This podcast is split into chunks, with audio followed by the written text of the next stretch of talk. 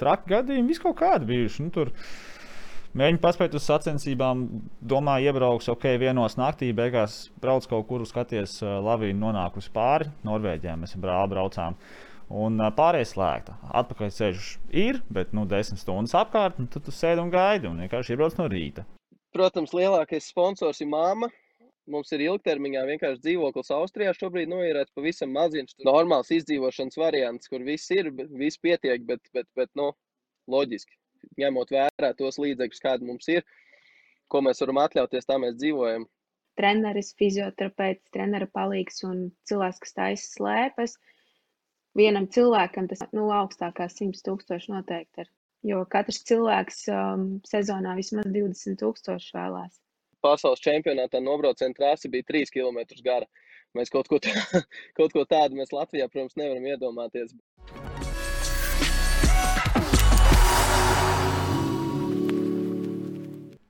Esiet sveicināti, sporta draugi. Sporta studija turpina podkāstu sēriju. Šis ir trešais pēc kārtas, un aiz logs, protams, redzam un arī baudam skaisto ziemu, lielās sniega kupenes. Un, protams, ka mēs arī runājam par ziemas sportiem šoreiz kalnu slēpošana, pasaules čempionāts arī nu pat, nu pat ir sācies Kortīnā Dampeco. Tur 11 Latvijas sportisti piedalās. Par kalnu slēpošanas pasaules čempionātu un vispār par kalnu slēpošanu Latvijā šodien šeit arī runāsim un iepazīstināšu jūs ar viesiem, kas mums šoreiz ir pievienojušies. Šeit pat studijā man blakus Kristaps Zvejnieks. Sveiks, Kristap! Čau! Ļoti labi pazīstams kalnu slēpotājs Latvijā, labākais ilgus gadus, trīs olimpisko spēļu pieredze, pasaules kausa. Vienā posmā ir bijis 30. kā vienīgais latviešu vīriešu pārstāvis arī universitātē, studentu universitātē. Savulaik ir uzvarējis. Kristap, pastāst, kā ir skatīties no malas pasaules čempionāta. Jo pierasts, ka tu tur startē, tagad jau otro reizi sanāk tev no malas skatīties, kā tas ir.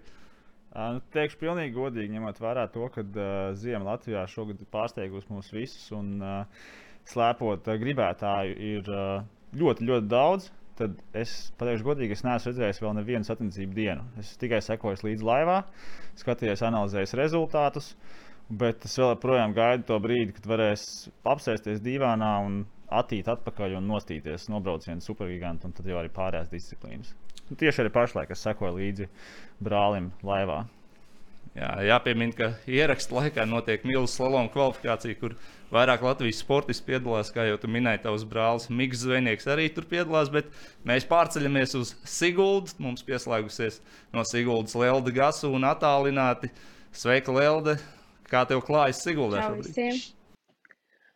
Siguldā ir fantastisks laiks, kā parasti ir. Um, Saule spīd, mīnus 20 grādi. Perfekta ziema sajūta no, no pulksten diviem uz kalna tā kā alpos.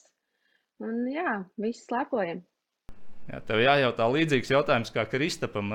Arī tu esi vienīgā Latvijas sieviete, kas pasaules kausā ir iebraukusi 30. pasaules kausa posmā, divu olimpisko spēļu pieredze tev ir. Kā tev ir no malas skatīties uz lielajiem mačiem? Tagad arī pasaules čempionāts ir sācies. Cik tas ir jocīgi, vai tu jau esi pieradusi pie tā? Um, īsti pieradusi laikam vēl neesmu. Tā kā es sāku iedzīvoties tajā, kad uh, vairāk nav tas pats režīms un nav tas pats ritms un uh, no sezonas uz sezonu tā gatavošanās. Un, protams, arī tagad bija tāda mazliet nostalģija. Pirms sākās tas pasaules čempionāts, kad visi atlēti lika tur storijos vai visos tīklos to, kad viņi ir ieradušies tajā pasaules čempionā. Tā ir tomēr baigta foršā sajūta būt visiem sportistiem vienotiem vienā sacensībās. Jā, nu šoreiz vismaz attālināti ir iespēja būt kopā ar Kristapu un Lienu. Tieši pie Lienas mēs arī dodamies, dodamies uz pasaules čempionāta norises vietu. Kortīnam, Peco, Itālija. Liena Bondara ir pieslēgusies mums viena no Latvijas kalnu slēpošanas izlases dalībniecēm. Šodien viņai starts nav, tāpēc viņa var arī mums pieslēgties. Liena pastāst, kāda apstākļa ir Kortīnā, Dampeco. Esam daudz ziņās stāstījuši par to, ka sacensības ir pārceltas, jo Daudz, daudz, par daudz ir sniega sacensību norises vietās. Sportisti sūdzās arī par ledainām trasēm. Pastāsti, kā tev tur klājas un kāda ir apstākļi Latvijas sportistiem un vispār trasē. Jā, čau visiem. Man prieks redzēt ar Kristofru un Leldi. Žēl, ka viņi nav šeit. Bet uh, laiks ir ideāls, ir uh, mīnus divi grādi. mm, vispār prasījos mazliet siltāks, bet nu nevar šodien, jo ir uh, saule, ir zils debesis un ir perfekti. Sacensību kauns ir, jā, nu, tas vietas betons, piln ledus ir tur uh, izsausmēks cauri, tik tālu vien var, bet, uh, nu, es šobrīd neesmu vienā sacensībās vēl startējusi un treniņu trases izstās ok, bet uh, es domāju, ka nevar daudz sūdēties šobrīd vēl. Jā, nu gaidīsim, kad arī tu piedalīsies sacensībās. Kristap, tavs brālis arī tur ir uz vietas, jau daudz ir trenējies. Šodien arī piedalās kvalifikācijā Milzu salomā. Ko tu no viņas dzirdējis? Ko viņš tev kā brālim ir stāstījis? Cik traki ir apstākļi, vai nemaz nav tik traki, kā mēs virsrakstos lasām? Ja, nu, viņš baigs sūdzējies nav. Es domāju, nav arī par ko. Tāpēc, kad uh, vienmēr jau uz sacensībām tas, ko visi cer, ir tas, ka būs pēc iespējas cietāks un ledānāks. Tas uzreiz garantē tādus līdzvērtīgākus apstākļus. Ja, ir siltāks, mīkstāks, tad vienmēr tas uh, sniegs uh, tiek vairāk izdegāts un trasē veidojas bedres. Un tas jau ir uzreiz daudz savādāk. Tā kā viņš, uh, tā kā mēs sazinājāmies noslēgšu reizi vakar, uh, viņš teica, jūtās labi, viss ir kārtībā un tik jāmauc. Jāstāsta, cik tālu var tikt. Jā, to arī sekosim līdzi arī šī podkāstu laikā. Visticamāk, Liena pastāst vēl vienreiz, kāda apstākļa ir tieši tev personīgi. Cik ir bijuši treniņi, kādas ir trases, vai visi treniņi ir notikuši kā plānots, vai tomēr bija sarežģījumi? Uh, man pašai personīgi ir bijusi, es esmu bijusi nelielas pauzes tieši slēpošanas ziņā. Es tikai trenējusies uh, fiziski dažādu apstākļu dēļ. Tā kā nu, es sāku šo sezonu ar čempionu šoreiz. Bet uh, to, ko es zinu no komandas biedriem, ja jautājums tieši par kā Covid, piemēram, ir ietekmējis, tad, uh, tad patiesībā to treniņu procesu pašu tas tik daudz varbūt nav skāris, jo trases ir vaļā un nav arī, piemēram, turisti, kas varbūt uh, dažreiz patraucē. Bet tā ceļošana ir nedaudz apgrūtinošāka un ir, nu, nevar aizbraukt, piemēram, uz mājām, tā kā uz kādām četrām, piecām dienām. Tu pašā tomēr plāno tā, lai tu visu laiku esi vienā reģionā, lai tev nav jāpārbrauc, lai nerastos situācija, ka, tu, ka tev ir jāsēž kaut kādā karantīnā. Jā. Lelde, pastāst tu savukārt, ar ko tev asociējas Kortīna Pēco, vai ir sanācis tur startēt, un kādas ir atmiņas no tās trases, un kā tu vari salīdzināt ar to, ko tu tagad attālināti esi redzējis, kā tur izskatās? Diemžēl es neesmu šajā trasē startējis, viņas vienmēr redzēju tikai pa televizoru. Man mērķis vispār bija startēt, un, bet, diemžēl, sanāca tā, ka man bija jābeidz slēpošana.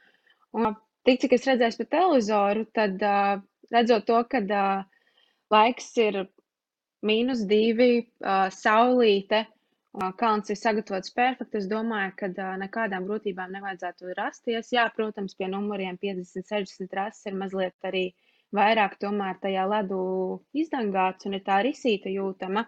Bet tāpatās es domāju, ka jebkuram sportistam būtu tīri patīkams un foršs sajūta braukt un startēt tādās sacensībās. Jā, man jājautā jums visiem, Latvijai šajā pasaules čempionātā 11 dalībnieki, 5 puiši, 6 meitenes nu, zinot, kur mēs esam kalnu lepošanā, vai tas ir adekvāti, vai kā jūs uz to skatāties, vai ir jāizmanto iespēja, ja tik daudz drīkst piedalīties, tad ir jāpiedalās. Kā jūs to raugaties, Kristap, sāksim ar tevi. Tas ir adekvāts daudzums. Hmm.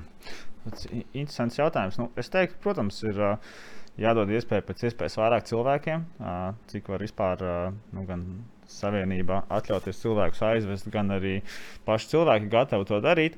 Um, tas, manuprāt, tas galvenais iemesls, kāpēc to darīt, ir tas, ka nu, augstas līmeņa sacensībās kā šīs vienkārši veidojās pieredze. Tas ir pirmkārt, tu saproti, tu esi nonācis starp labākajiem, un kā tagad viss izstāsta, kā tagad izturēties šajos apstākļos. Un otrs, tas, ka nu, psiholoģiski daudz cilvēki, nu, daudz sportisti piedaloties pirmoreiz tādās sacensībās saprot, nu, kāda ir tā atmosfēra un kā tagad man nu, tā psiholoģiski būs jātiecās šajos apstākļos. Tas ir pilnīgi savādāk. Un, tāpēc, manuprāt, visiem, kam, kas ir tam gatavojušies, gājuši ar mērķi uz to pasaules čempionātu vai vismaz augstu līmeņa sacensībām, es teiktu, ka ir jādod šī iespēja. Jā. Mm -hmm. Jā, Lelde, kā ar tevi, arī daudzos pasaules čempionātos esi piedalījusies. Var sajust to komandas kopības garu, un vai tavuprāt, tik liela komanda ir laba lieta. Es domāju, ka jā, tu tomēr, kad es arī piekritīšu Kristupam to, ka tā ir ļoti laba pieredze lai vispār saprastu un uh, apjaustu, kas vispār ir augsta līmeņa sacensības, kas ir tas pats pasaules kauss vai Eiropas kauss, ka tās nav vairāk tās pašas FIS sacensības vai bērnu mači, uh, kad uh, bērni vēl startē starptautiskajos bērnu sacensībās, jā. Bet, uh, manuprāt, arī, ka tik liela komanda, tad ir tomēr tādā Tu neesi tur viens ieradies kā parasti sacensībām, jo manas pasaules kausa bija vairāk vai tas, mazāk tas, ka es vienmēr gan biju viena. Varbūt uz Eiropas kausa man Agnese pievienojās, tad vismaz ir tā arī tā komandas sajūta, bet uz pasaules čempionu pievienojas tik daudz sportisti, un viņi mēs visi esam ieinteresēti labā rezultātā, un uh, mums interesē šis sporta veids un interesē tie augstie sasniegumi. Tas ir tāds uh, tā kā pievienotā vērtība šīm sacensībām, ka mēs tiešām varam būt tik liela komanda viens otru atbalstīt. Jā, Liena, ko tu no komandas iekšienes vari pastāstīt? Vai arī iepriekšējos gados ir tik liela komanda bijusi, un cik tas ir patīkami, vai, vai tas ir labi, ka tik daudz jūs tur esat? Vai nemaz nav tik daudz, varbūt es tikai pārspīlēju? Nē, mēs esam, mēs esam 11. Jā, uh, es pievienošos arī uh, gan Kristam, gan Leldai, ka uh, es domāju, ka tas ir pilnīgi fini. Un es domāju, ka tas arī ir labi no tāda, kad atceros sevi, pirmais pasaules čempionāts bija Šladminga, un man bija kaut kāda, varbūt, 16, 17 gadi. Un tas, ka man bija, piemēram, es zinu, kad ir Kristaps tur un Lelde, un kad ir cilvēki, kas jau to pieredzējuši, kad, ka bija komandas biedri, pie kuri varēja dot padomu vai ieteikt, kā labāk rīkoties vai ko sagaidīt. Tas noteikti ļoti daudz deva, un tas palīdz arī sagatavoties. Un es domāju, ka ir labi, kad ved arī jaunos sportistus. Un, uh, viņam tiešām liela pieredze, un viņiem ir tie varbūt jau pieredzējušie sportisti, kas var iedot kādu labu padomu pirms startiem vai vispār pēc sezonas. Es varu mazliet papildināt Jā, vēl tā no vienkārši arī tādas psiholoģiskās puses skatoties. Tas savā ziņā noņem atbildību, nu, tādu atbildības sajūtu daudziem sportistiem. Jo, nu, skatoties, ka, protams, Latvija brauc kā nācija uz pasaules čempionātu, protams, katrs cilvēks ir individuāls, tas ir individuāls sports. Manuprāt, daudziem tas var atvieglot to iekšējo sajūtu, ka tu neesi vienīgais atvests un uz tevi vienīgo neliek cerības. Jo bieži vien ir tā, ka arī aizbraucot uz lielām sacensībām vienam pašam, um, nu, tad, teiksim, var uzrakstīt, pēc tam redzēt, Latviešu neviens nav finišējis, bet tikai viens Latvijas bija. Un, uh, tas, manuprāt, nu, noņem tādu atbildības sajūtu, ka, nu, ja gadījumā šodien nesanāks, kas kalnu slēpošana notiek ļoti bieži, tad tomēr ir vēl cilvēki, kas sev var pierādīt, un beig beigās Latvija kā nācija nu, ir daudz lielāka iespēja gan finišēt, gan uzvarēt labāku rezultātu. Jā, pavisam noteikti. Lieni pastāst par savu startu. Slaloms šobrīd kalendārā tas ir 20. februāris. Cik labi tu esi iepazinos slalomu trasi, cik daudz ir bijusi piekļuve tai un ko tu par to vari pateikt? Tieši par savu startu, kā uz to raugies, un kāds ir gal galā mērķis? Jā, uh, mums atcēlās, diemžēl, kvalifikācijas. Nu, var diemžēl vai par laimi, bet uh, kaut kā man gribējās to nostartēt. Bet tāpēc mums būs uzreiz uh, fināla sacensības. Kalnu es esmu redzējis, mēs braucām viņam garām treniņu trasēs. Mm, Izsās ļoti ok, stāva nogāze diezgan gara. Var redzēt, jau, ka tur ir uh, labi sagatavots, jo kalns spīdē, respektīvi ir ledus. Un, uh, jā, nu, mans mērķis ir nobraukt savus labākos slavumu braucienus, un es domāju, ka tas, tas viss ir ok. Jā, Kristap, jāprasa par tavu brāli. Kāda ir viņa mērķis? Šogad redzam viņu vairāk Eiropas kausa mačos, tur viņš pie 30. arī ir figurējis. Ar kādu uzstādījumu viņš piedalās, kāda ir viņa mērķis, mīlestības slaloms, slaloms.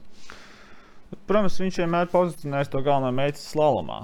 Man arī tas kādreiz tā bija. Mm, tad es pamazām sāku pāriet arī uz milzu slalomu. Un kaut kādā ziņā viņš likās arī nu, tāds eh, ļoti interesants disciplīna un forša. Bet, uh, jā, viņš pārsvarā trenējās slalomu, milzu slalomu ne tik daudz, bet nu, savā starpā viņam ir ļoti saistīti un viens palīdz otram. Teiksim, trenējot slalomu, arī daudz ko var milzu slalomā uzlabot un tieši otrādi. Bet uh, par konkrētiem mērķiem šajā pasaules čempionātā mēs neesam runājuši. Es domāju, tos arī nav jēga likt, jo uh, nu, jā, ņemot vērā daudz dažādus apstākļus. Bet nu, viņa galvenais mērķis ir, protams, startēt pēc iespējas vairāk startautiskas līmeņa sacensībās, uzlabot reitingu, lai varētu tikt pie labākiem starta numuriem Eiropas kausā, un tad pamazām, protams, censties iekļūt pasaules kausa 30. un pretendēt uz labākiem numuriem tur. Un tāda klasiska kalnu slēpotāju sistēma tiem, kas jau ir tikuši tik tālu. Un, jā, tas būtu tāds, tāds sezonas mērķis. Jā, tev savulaik eh, izdevās ļoti labi. Rangā vismaz slalom konkurencē iekārtoties pasaules čempionātā, slalomā. Tev pat kvalifikācija nebija jābrauc. Nu, tas arī noteikti ir tāds ilgtermiņa mērķis sportistiem, lai tik augstu tiktu un nebūtu kvalifikācijā jāstartē. Tu aizbrauc uz pasaules čempionātu, zini, jā, es gatavojos galvenajam startam. Jā, nu, pašas kvalifikācijas sacensības pasaules čempionātā viņas īstenībā ļoti foršas, bet tas, ka tu atvieglo bijuši to loģistiku un zini, ka tev papildus vienu dienu nebūs kaut vai jāsaka slēpjas un varēs bijuši vairāk atpūsties vai patrenēties, tas tomēr iedod uh, daudz ko citu. Un, uh, jā, es savulaik biju rangā ļoti augstā vietā. Sanāk, labākā ranga pozīcija, kā pasaules rangā bija 64. Un tur turējos kādus 2-3 gadus, ap, apmēram ap to vietu figurējot. Tā kā, nu, tur ir mazliet cits skats uz slēpošanu ar citiem numuriem un pavarās daudz citas iespējas. Bet nu, līdz tam ir uh, paiet entie gadi, kamēr tiek. Un mm. daudz, daudz darbs. Jā, nu redzēsim, kā šiem sportistiem, kas ir pasaules čempionātā, veiksies ar kāpšanu pasaules rangā. Protams, jāsāk jau ar šīm sacensībām, bet mēs pārējiem pie otrās tēmas, par kuru šodien vēlos parunāt. Vispār Latvijas kalnu slēpošanā un kam jānotiek, lai nokļūtu elitē. Protams, ka Lelda un Kristaps par to vairāk var pastāstīt. Viņi ir bijuši tajā top līmenī, kā jau minēja pasaules kausā. Viņi ir divi vienīgie latvieši, kas ir tikuši pie punktiem. Un Kristap un Lelde, jautājums jums no sākuma tāds visaptverošs kopumā, ko jūs teiktu, kam ir jānotiek, lai kāds no šiem jauniešiem arī nokļūtu tur, kur jūs bijāt? Vēl tu sāksi, ja man sāks. Kristaps var sākt. varu sākt. Labi, Vai Kristaps? aiziet. Meitene priekšā. Um, manuprāt, uh, tas ir, lai nonāktu vispār pasaules kausa apritē, tā un stabili viņā arī startētu, ir jāizliekās ļoti daudziem puzles gabaliņiem kopā. Un tas ir uh, gan uh, tas, ka visticamākais būs uh, lielākā daļa savas dzīves un gada jāpavada ārpus Latvijas. Un uh, manā gadījumā censties pēc iespējas mazāk ceļot mājās un pavadīt ceļā, jo tas atņem ļoti daudz spēka. Tur, protams, nāk arī finansējums, kā to atrast, kā viņu, kā vispār pirms, no, pirms tam sagatavoties, atrast arī komandu, kas būtu attiecīgiem finansējumam kā atbilstoša. Jo būtībā, ja tas viens sportists, tas ir tā diezgan, diezgan ā, daudz vairāk tās finanses nepieciešams. Jā, Kristap, ko tu vari papildināt, vai piekrist, vai apstrīdēt? Um, nē, es pilnīgi piekrītu Lielai. Tas sastāv no ļoti daudz dažām lietām, no kurām visas arī mēs nevaram paredzēt. Tas noteikti nav tā, ka atradīsim, paņemsim cilvēku, atradīsim budžetu, savāksim komandu un uztrenēsim viņu līdz tam. Ir daudz lietas, ka, kurām jāsākās jau no bērnības, uh, dziļi iekšā jāiesakņojās kaut kādai mentalitātei. Nu, pirmkārt, mīlestībai par to sportu. Jo, uh, Tur ir jābūt ļoti lielai mīlestībai par to, ko tu dari, jo tas, tas viss ir ļoti, ļoti grūti. Un tajos brīžos, kad tas paliek super grūti, tev vajag atcerēties tos pašus pamatus, kāpēc tu vispār sāki. Jo tas ir ļoti ilgstošs darbs, tas ir vairāku gadu, gadu desmitu darbs ar, uh, jā, ar vienu mērķi. Un, uh, bieži vien vienkārši sanāk tas, ka uh, var ļoti vienkārši salūzt. Un tajos brīžos tev jāsaprot, kā atkal piecelties un turpināt to pašu. Tā kā tas ietver ļoti daudz ko sākot no pašas bērnības, jau kā vispār uh, gan iemācās slēpot, gan kā tev veidot to uh, sajūtu pret to sportu, gan uh, tādu nu, mazliet filozofiju, protams, arī psiholoģiskās prasmes, uh, nu, ka tu vienkārši esi spējīgs panest tās grūtības kā tādas. Un savā ziņā arī, jā, ka tu vari gan uh, emocionāli atļauties uh, nebūt mājās. Jo nu, Latvijā kalnī, visi kalni ir maziņi, vai nu maziņš, vai nu ļoti maziņš.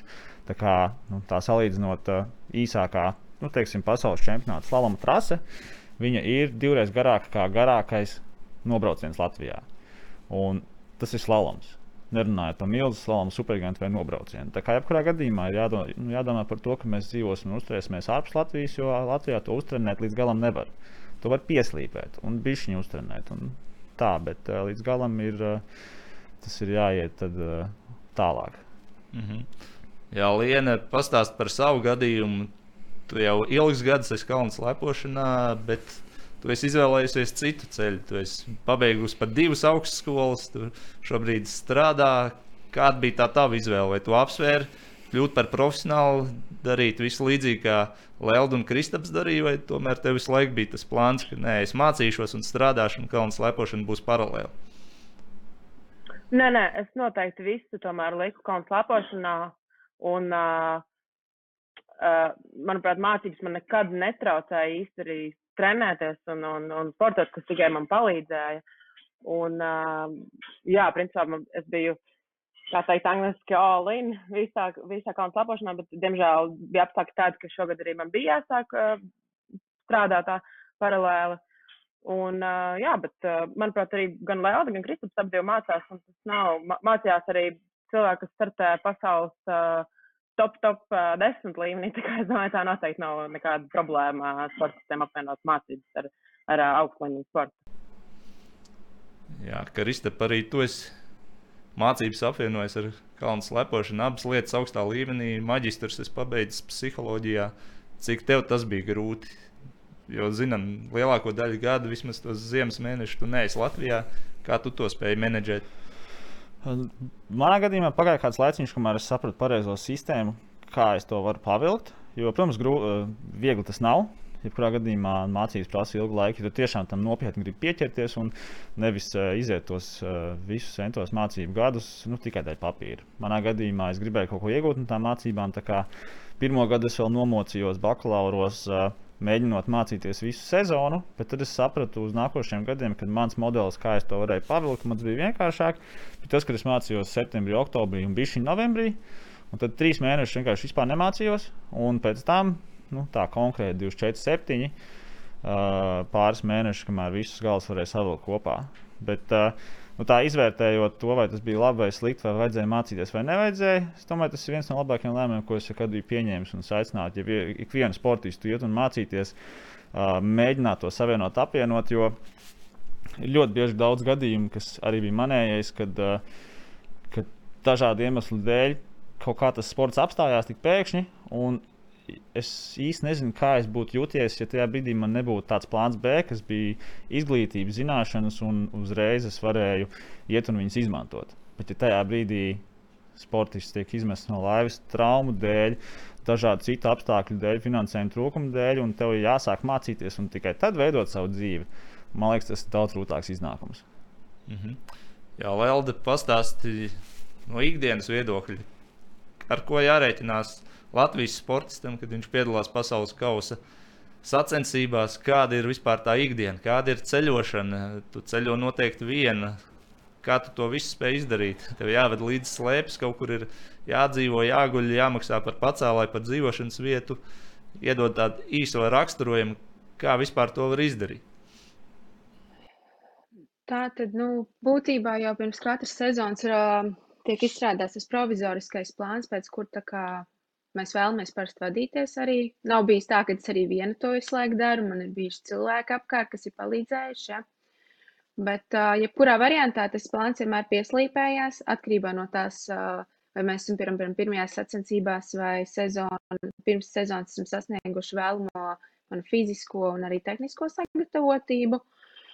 Bet tā ceļošana, protams, notiek tā, ka nu, bieži vien ir bijis tā, ka 26. decembrī, uzreiz pēc uh, Ziemassvētkiem, tiek izbraukts uz sacensībām, ieies vienu dienu pirms uh, pasaules kausa, lai uh, startā ar pasaules kausā, piemēram, arī tas pats arī janvārī, ka pēc svētkiem ierodās. Ja? Un, uh, tādā ziņā tas, tas plāns vienmēr bija ļoti tāds. Um, Mainīgs bija vienmēr jāskatās. Bija, bija tā vairāk jāsaprot tas, ka uh, vai nu ielec tajā Eiropas kausa līmenī, tajā ritenī iekšā vai pasaules kausa ritenī. Jo abus divus tos riteņus apvienot ir diezgan grūti izbraukāt starp abiem diviem, abām divām tām pusēm, starp abām divām šīm sacensību veidiem bija diezgan, nu, tā ļoti grūti tādā ziņā. Un tie, tā, tā, tā, tas viss, lai to visu sakoordinētu, samanedžētu vienam sportistam, tas arī bija tāds tāds diezgan uh, grūts darbs, teiksim tā. Jā, Kristap, ko tu no savas pieredzes vari pateikt? Pāris trakus gadījumus varbūt var izstāstīt. Nu, ierodies pēdējā brīdī, vai no tevis jau ir dzirdēts stāsts, ka visu veidu lopu kūtīs gandrīz es pabiju guļot vai viesmājās, kur tev ir uzņēmuši. Kāda ir tā ikdiena? Tie līdzekļi noteikti nepietiek, lai visu laiku dzīvotu viesnīcā. Kā, kāds, kāds ir tas plāns, ka tu savulaik devies uz sacensībām? Kur palikt pa nakti? Jā, tālāk. nē, visādi gadījumi ir bijuši. Tas par tām lopu kūtiņām, tas jau vairāk tā kā ok, ne līdz galam joks, jo nu, tas ir tā ir bijis kaut kādos brīžos, bet tas ir tāds labs, interesants atmiņas. Bet, uh, nu jā, tas grafiks ir uh, nu, diezgan brutāls dažos brīžos, jo, ja tu gribi garantēt sev pēc iespējas vairāk iespējas uzrādīt labu rezultātu, nu, nu, tad ir jāpiedalās pēc iespējas vairāk sacensībās. Tā kā nu, manā Lieldas gadījumā tas pilnīgi noteikti bija kaut kādi kaut 60 sacensības uh, gadā, sezonā. Un, uh, Jā, man pat bija sezonas, kad es divreiz apbraucu apkārt visai Eiropai. Kad, piemēram, sākā Latvijā, tad braucu uz Somiju, Norvēģiju, Vāciju, Franciju, Slovākiju, Čehiju atpakaļ, un tad kaut kādā brīdī vēlreiz to pašu vienkārši. Tā kā tas menedžments kā tāds ir ļoti grūts, lai to visu apvienotu, jo nu, tās sacensības nav tā, ka tagad būs Austrijas seriāls. Viņas ir Austrijā, tad Šveicē, tad Slovenijā, Francijā, tad pēkšņi kaut kādā Norvēģijā, un tad viss atpakaļ. Bet uh, traki gadījumi vis kaut kādi bijuši. Nu, tur mēģina paspēt uz sacensībām, domā, iebrauks ok, vienos naktī, beigās brauc kaut kur, skaties, uh, lavīna nonākusi pāri Norvēģijā. Mēs brāli braucām. Un uh, pārējais slēgta. Atpakaļ ceļš ir, bet nu, desmit stundas apkārt, un tad tu sēdi un gaidi un vienkārši iebrauc no rīta. Pa ceļam vēl gandrīz beidzās mašīnā benzīns, piemēram, kamēr tu sildi viņu tur mīnus 10, 20 grādos. Jā. Tad Stāsts daudz ir interesanti. Es jau ne, mēs ik pa laikam ar vienu draugu. Mēs uh, sanāca tāds interesants gadījums. Tas bija vēl jaunākos gados īstenībā. Kad uh, mēs uh, bijuši aizgulējāmies vilcienā, izkāpām nepareizā stācijā, otru pusi kalnu masīvam, palikām uh, pa naktī pieturā. Um, braucām no rīta atpakaļ, un atpakaļ ceļā sapratām, ka uh, autobus neiet, jo ir svētdienas rīts, bet ārā bija baigta augsts, un tad mēs krāmējām ārā somas un uh, līdām somās iekšā, nu, lai tas viss tā siltāk būtu. Tā kā tie tādi interesantākie stāsti, uh, kurus reiz var atcerēties, bet situācijas bijušas visādas, ļoti daudz. Jā, es nezinu, cik daudz jūs varat un gribat atklāt, bet par finansiālo pusi cik ir nepieciešams finanses, lai to pasaules kausa sezonu aizvadītu. Nu, no līdz vismaz cipars, lai varbūt kādi jaunie vecāki, kas varbūt grib audzināt savu bērnu kalnu slēpošanas virzienā, ar ko vispār rēķināties. Jā, mm, nu, tas cipars, protams, atkarībā no tā, kā to visu grib darīt. Nu, mm, un cik lielu komandu tu vari atļauties. Protams, to var izdarīt arī ar, nu, to nevar izdarīt ar maz līdzekļiem bet to izdarīt ir salīdzinoši maz. Nu, vispār tīri finansiāli izdomāt to veidu, kā tu tiec tur, kā tu apmaksā to, kas tur ir jāapmaksā. Un kā tu veic kaut cik normālu treniņu procesu tās visas sezonas laikā. Nu, bet, jebkurā gadījumā, tas ir sākot no 30 un uz augšu. Mm -hmm, jā, Lelda, ko tu vari piebilst? Kā, kā ir šī finansiālā puse? Un vai nav tā, ka sezonas vidū pēkšņi tu saproti, ka uz nākamajiem mačiem īsti nevar aizbraukt, vai tā nav gadījies? Um, tā īsti nav gadījies laikam, jo vienmēr ir atrastas finansējums. Un, uh, bet, nu kā, es būtībā, kad es sapratu, ka es gribu tā kā strādāt pasaules kausā un Eiropas kausā, un sāku pirmo reizi strādāt vispār ar uh, kādu komandu, kas ir ārzemēs, uh, tas bija apmēram 20 tūkstoši tajā brīdī sezonā. Bet tas neiekļāva nekādas limu, uh, lidojumus mājās, atpakaļ, vai, piemēram, transporta izdevumus, vai uh, tā skaitā arī, piemēram, inventāru. Un, uh, visādas tādas lietas, kas bija nepieciešams. Jā. Bet uh, līdz, tu, līdz kaut kādam brīdim, tu varbūt ar tādu komandu spēja aiziet, varbūt līdz tam Eiropas kausa līmenim. Jā. Bet pēc tam jau tās izmaksas aug. Un, piemēram, labi, Kristap gadījumā bija tā, ka viņš varēja pievienoties komandai. Un, ja tev, kā zināms, jau vairāk sportisti, jo tās izmaksas dalās uz galviņām, un droši, galviņām, un droši vien arī tās treneru izmaksas uzreiz ir salīdzinoši mazākas. Bet, piemēram, man kā vienai sportistei, tās izmaksas uzreiz dalās tikai uz mani. Un, līdz ar to, ja mēs vēlamies, piemēram, sameklēt klāt uh, treneris, fizioterapeits, trenera palīgs un cilvēks, kas taisa slēpes, vienam cilvēkam tas nu, augstākās 100 tūkstoši noteikti ir. Tāpēc, ka jāmaksā ir gan par viņu dzīv, dzīvošanu, gan par ceļu, gan par ēšanu, kalnu pacēlājs kartes, jā. Un uh, arī viņu darbs plusā. Jo katrs cilvēks um, sezonā vismaz 20 tūkstoši vēlās. Un treneru gadījumā tas arī ir no 30 līdz 60 tūkstošiem sezonā. Pasaules kausa labākais treneris izmaksā 60 tūkstoši sezonā. Tā kā tas sadalās viss, jā tie stāsti var būt dažādi un tās situācijas dažādas. Un, kā kuram palaimējās, es domāju, atrast to ideālo variantu. Jā, paldies par atklātību. Arī ciparus nosaucāt. Mēs to vienmēr novērtējam. Liena, tev dzirdot šos stāstus, un tu noteikti daudz vairāk esi dzirdējis, startējot, dzīvojot kopā gan ar Leldu, gan ar Kristapu Latvijas izlases sastāvā, gan ar citiem sportistiem. Uh, tev ir bijis plāns kaut ko līdzīgu darīt, mēģināt pasaules kausā ielikt, vai tev punkti nav pietikuši, kāda ir bijusi tava situācija, un vai dzirdot šos stāstus, tu gribētu to darīt? nu, nav, nav jau tā, ka es uh, nezinu to realitāti. Protams, kad uh, apzinos, cik tas maksā un, un cik darbs ir tam nepieciešams. Un, uh, Protams, ka tas mērķis vienmēr ir bijis pasaules kausa un augstākais līmenis, un uz to arī vienmēr ir iet. Un, un, un, un, un, un, un, un mēģināt atrast finansējumus, lai, lai to varētu sasniegt. Uh, vienkārši tas, tas neizdevās. Mēs nenotik, ne, ne, ne, neesam nokļuvuši tajā augstākā līmenī, bet es pilnībā apzinos, ko tas uh, prasa no sportista. Kā tas, tas nav nekas jauns, ko šobrīd stāsta Kristaps ar uh, Lēldi. Es redzēju arī, kā, kā viņi cīnas un kā citi sportisti cīnas jā, tā, tā tas ir, bet tāds laikam ir uh, visiem sportistiem un daudzos sporta veidos. Jā, bet no tevis es saprotu, ka tu vēl uz to ej.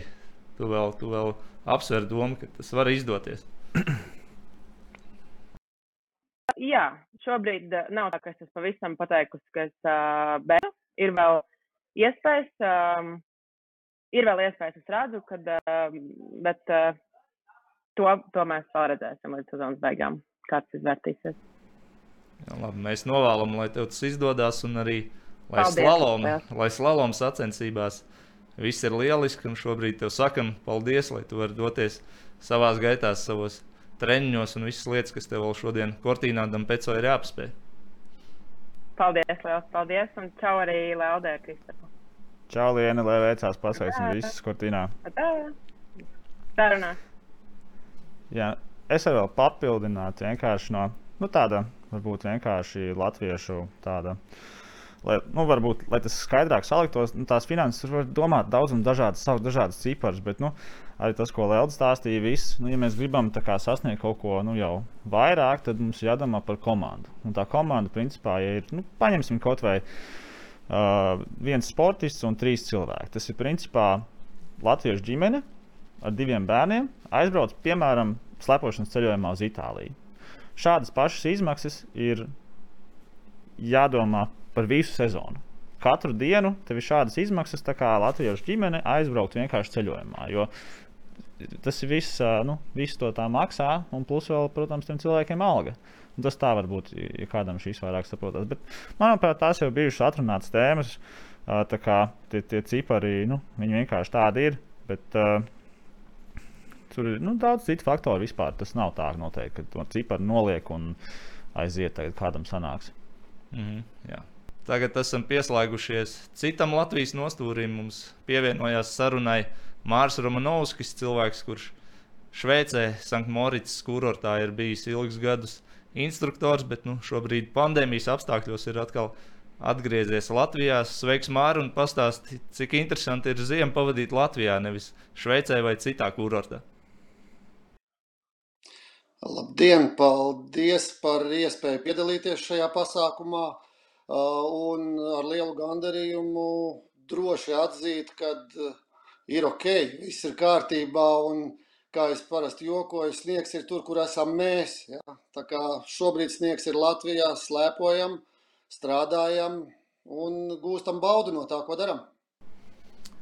Jā, Mārs ir ne tikai instruktors, bet šobrīd arī nokārtojis treneru licenci. Arī par treneru niansēm gan ar viņu, gan ar Kristapu varēsim parunāt turpinājumā. Un nākamā tēma tieši ir treniņi Latvijā un treniņi ārzemēs. Kristap, tu arī pēc karjeras esi sācis trenēt ne tikai bērnus, dažādus cilvēkus, bet eh, runājot vairāk par bērniem, jauniešiem, cik ilgi mēs varam uzskatīt, ka jā, Latvijā trenēties ir labi, un kurš ir tas brīdis, domājot jau par karjeras attīstību, kad ir jāsāk doties uz lieliem kalniem, Skandināvija, Eiropa. Kurš ir tas brīdis, kad tiešām tas to vajadzētu sākt darīt? Jā, nu, uh, ok. Nu, tad, principā, tajā brīdī, kad uh, sportists paliek 16 gadus vecs, nu, apmēram kā kurā gadījumā, bet ir konkrēts brīdis, kad uh, parādās uh, startautiskā FIS līmeņa grupa, kas ir 16 gadus uz augšu. Un tajā brīdī ir viena grupa, vairs neizdalās sportisti par diviem gadiem, tur 10, 12, 12, 14. Tajā brīdī ir viena grupa. Tas ir brīdis, kad, nu, protams, Latvijā tās sacensības nav bieži pirmām kārtām. Otrām kārtām tās trases arī paliek ievērojami grūtākas. Tā kā, nu, manuprāt, vislabākais variants ir uh, miksēt, trenēties visu laiku starp to, ka tu tomēr trenējies uh, nu, kā bērns jaunietis Latvijā, bet uh, ik pa laikam izmanto arī iespēju patrenēties ārzemēs. Tīri tāpēc, lai mainītu vidi, pamainītu trases, reliefu, galvenokārt, protams, trases garumu, kam tev būs jāpierod tajā brīdī, kad tu pāries pieaugušo grupā. Un, jā, teiksim, patnēties Latvijā, izmantot iespējas aizbraukt uz ārzemēm un visu laiku to tā miksēt. Bet tas ir jāsāk darīt jau, nu, ar, ja ir mēģis, teiksim, sportā tik tālu, tad to vajadzētu jau sākt darīt pamazām jau 12, 14 gados vismaz bišķiņi iestrādāt, bet, nu, jebkurā gadījumā ātrāk par kādiem tur 14 gadiem uh, nav jēga, manuprāt, uh, tur sūtīt bērnu uz ārzemēm, lai tur mauc un kačājās. Tam visam jānāk tā pakāpeniski, palēnām, bet nu, līdz 16 gadiem jau jābūt tādam skaidrākam plānam. Mm -hmm. Jā, Lelde, atceroties tavu karjeru, kā bija ar tevi? Kādā vecumā tev bija iespēja doties uz lielajiem kalniem Skandināvijā vai Eiropā, un cik ļoti tas bija tavuprāt nepieciešams? Vai, vai vispār bez tā var to nākamo soli spērt? Um, jā, pirmais brauciens uz ārzemēm bija tieši, liekas, kopā ar Kristapa. Kristapa ģimeni mēs braucējām uz Slovākiju. Tur mēs arī kā trenējāmies, un pirmo reizi arī pa trasē braucām ārzemēs. Deva mums tādu Slovāki uh, sportists iespēju. Bet, jā, manuprāt, tas uh, līdz tiem 16, 14 gadiem noteikti ir jāmaksā. Tas bērns ir jāizved uz tām ārzemēm. Viņam ir jāredz, kā, kāda tur ir kalni, kad uh, ir arī citi sportisti, kad arī citi bērni trenējās, lai viņš arī izjūtos, izjūt to garšu un varbūt arī to, to vispārējo kalnu slēpošanas pasauli sāk apjaust jau kāda viņa ir, cik viņa ir liela un ka nav tikai kalnu slēpošanas sacensības Latvijā. Jo man, cik es atceros sevi mazu, man bija tā, ka, o, ir kalnu slēpošanas sacensības Latvijā, bet kas tad īsti tur notiek aiz tās robežas, man īsti tāda apjauta nebija laikam. Un uh, es nebiju ne redzējusi, ne dzirdējusi, ne tik cik redzēju, kā Janika Kosteliča brauc slalom un mēģināja kaut ko līdzīgu. Jā.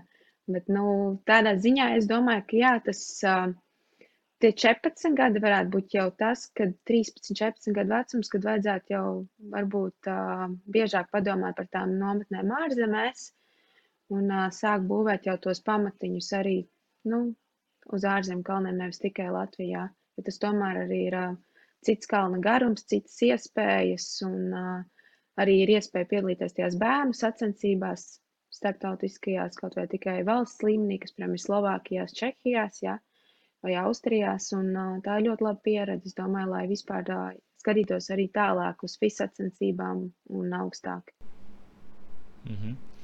Jā, Mārija, pievēršoties Šveices gadījumam, saprotu, Sanktmoricā tu ļoti ilgus gadus esi pavadījis, ko tu vari pateikt no sava skatu punkta, cik ļoti ir nepieciešami tie lielie kalni un ko tu esi redzējis savā pieredzē, kādā vecumā jau no citām valstīm, kur nav tik liela kalni, sportisti un citi bērni jau ierodās. Saka, Moricā, lai trenētos, ne tikai lai pabraukātu ar vecākiem, atpūstos, bet jau lai pievērstos treniņiem. Nu jā, nu, uh, Sanktmorits ir viens no tiem populārākajiem, laikam, uh, VIP kurortiem, jā, kas atrodas Graubundenes vienā no pavalstīm Šveices, valstī. Ja, nu, ja 6-7 gadus var uzskatīt par ilgu laiku, tad tas atbilst patiesībai. Nu, pirms tam ir bijuši pieredze arī Austrijā, gan Gašteinā, gan arī Kitsbīlē. Ja. Bet nu, katram no mums jau ir sava pieredze. Un, ir kaut kādas kopējas lietas. Es absolūti piekrītot saviem kolēģiem, kas pirms manis runāja, absolūtas autoritātes arī Latvijas kalnu slēpošanā. Nenoliedzami ir arī tas, ka sports tas ir augstākais līmenis, ko var sasniegt cilvēks, kurš sākotnēji sāk ar kaut ko nodarboties un kurš apjauš sevi tajā, tajā jomā. Ja? Un jo garāks būs rezervistu soliņš, eh, jo eh, vairāk būs iespēju arī Latvijas sportistiem kaut kur sevi parādīt. Ja? Līdz ar to nu, es pārsvarā tiešām saskaros, saskaros ar tiem nu, klientiem, sauksim tos tā, kas ir atveduši savus bērnus. Dažreiz arī bērni atved savus vecākus, ja, lai kopīgi pavadītu laiku, lai sāktu iepazīties gan ar kalniem, gan ar šo speciālo aprīkojumu, slēpītēm, snowboardu. Ja. Nu, jaunākie klienti mums ir bijuši jau ap trīs gadu vecumu. Tātad cilvēks var mēģināt slēpot, snovot, ja stāvēt uz slēpītēm, tad, kad viņš ir spējīgs nostāvēt uz kājām. Ja. Ir, protams, individuāli gadījumi bijuši, kad cilvēki jau nu, vecā, lielākā vecumā, 8, 9 gados, iekāpjot šajos speciālajos slēpošanas zābakos, ja, kad viņš limst, viņš nespēja tīri fiziski ja, to veikt. Nu, un arī ne katram jau tas acīm redzot ir arī vajadzīgs, vai ne? Tā kā nu, visu var saprast tikai salīdzinājumā, tikai mēģinot, ja mēs saprotam, vai tas mums der, vai tas mums patīk, jo, nu, skaidrs ir viens, ja tā lieta – nepatīk, ja tā lieta nesniedz gandarījumu ne pieaugušajam, ne bērnam, nu, tad nav jēgas arī domāt par kaut kādiem tālākiem, tālākiem attīstības posmiem šajā jomā. Ja. Jā, nu par izmaksām jau mēs stāstījām un runājām, bet Kristap, man patīk tavs piemērs ar to ģimeni, kas brauc uz Itāliju, slēpot uz Alpiem. To liela daļa Latvijas ģimeņu zina, cik tas ir dārgi un kā to darīt. Bet vai tiešām sportistiem ir viss pilnīgi identiski, vai jums ir atsevišķas trases, vai aizbraucot uz kādu kurortu, var trenēties atsevišķi, kā ir ar pacēlā izmaksām. Tev jāpērk tas skipas, kas visiem citiem, vai, vai sportists nodala, ir kaut kāds mm -hmm. iespējas lētāk un organizētāk to darīt, vai kopējā plūsmā tas notiek. Ui, šim nebūs vienota atbilde. Tas ir kā kurā valstī, kā kurā kurortā, kā sarunā, kā pazīst cilvēkus. Bet uh, nu, lielākajā daļā gadījumā, protams, tas ir slāpums vai milzu slāpums. To trasi var uh, nu, nobāzt kaut kur malā, vai, teiksim, visbiežāk, ja sportisti ir braucis trenēties tur, kur ir labi apstākļi, izvērtējot, skatoties prognozes, saprotot, kurā kurortā nu, tie apstākļi būs labi. Un tā jau dara daudzas komandas, un tad parasti tā teiksim, viena lielā trasa tiek atvēlēta tikai treniņiem. Nu, un, principā, citi cilvēki uz viņas netiek un neļauj viņiem tur atrasties.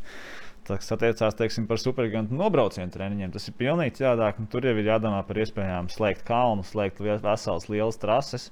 Es esmu piedalījies tajos treniņos, bet nu, viņi, viņi gan ir. Uh, uzrādās ļoti bieži pēdējā brīdī, vien, vai arī sezonas beigās, kad tās trases slēgti vienkāršāk.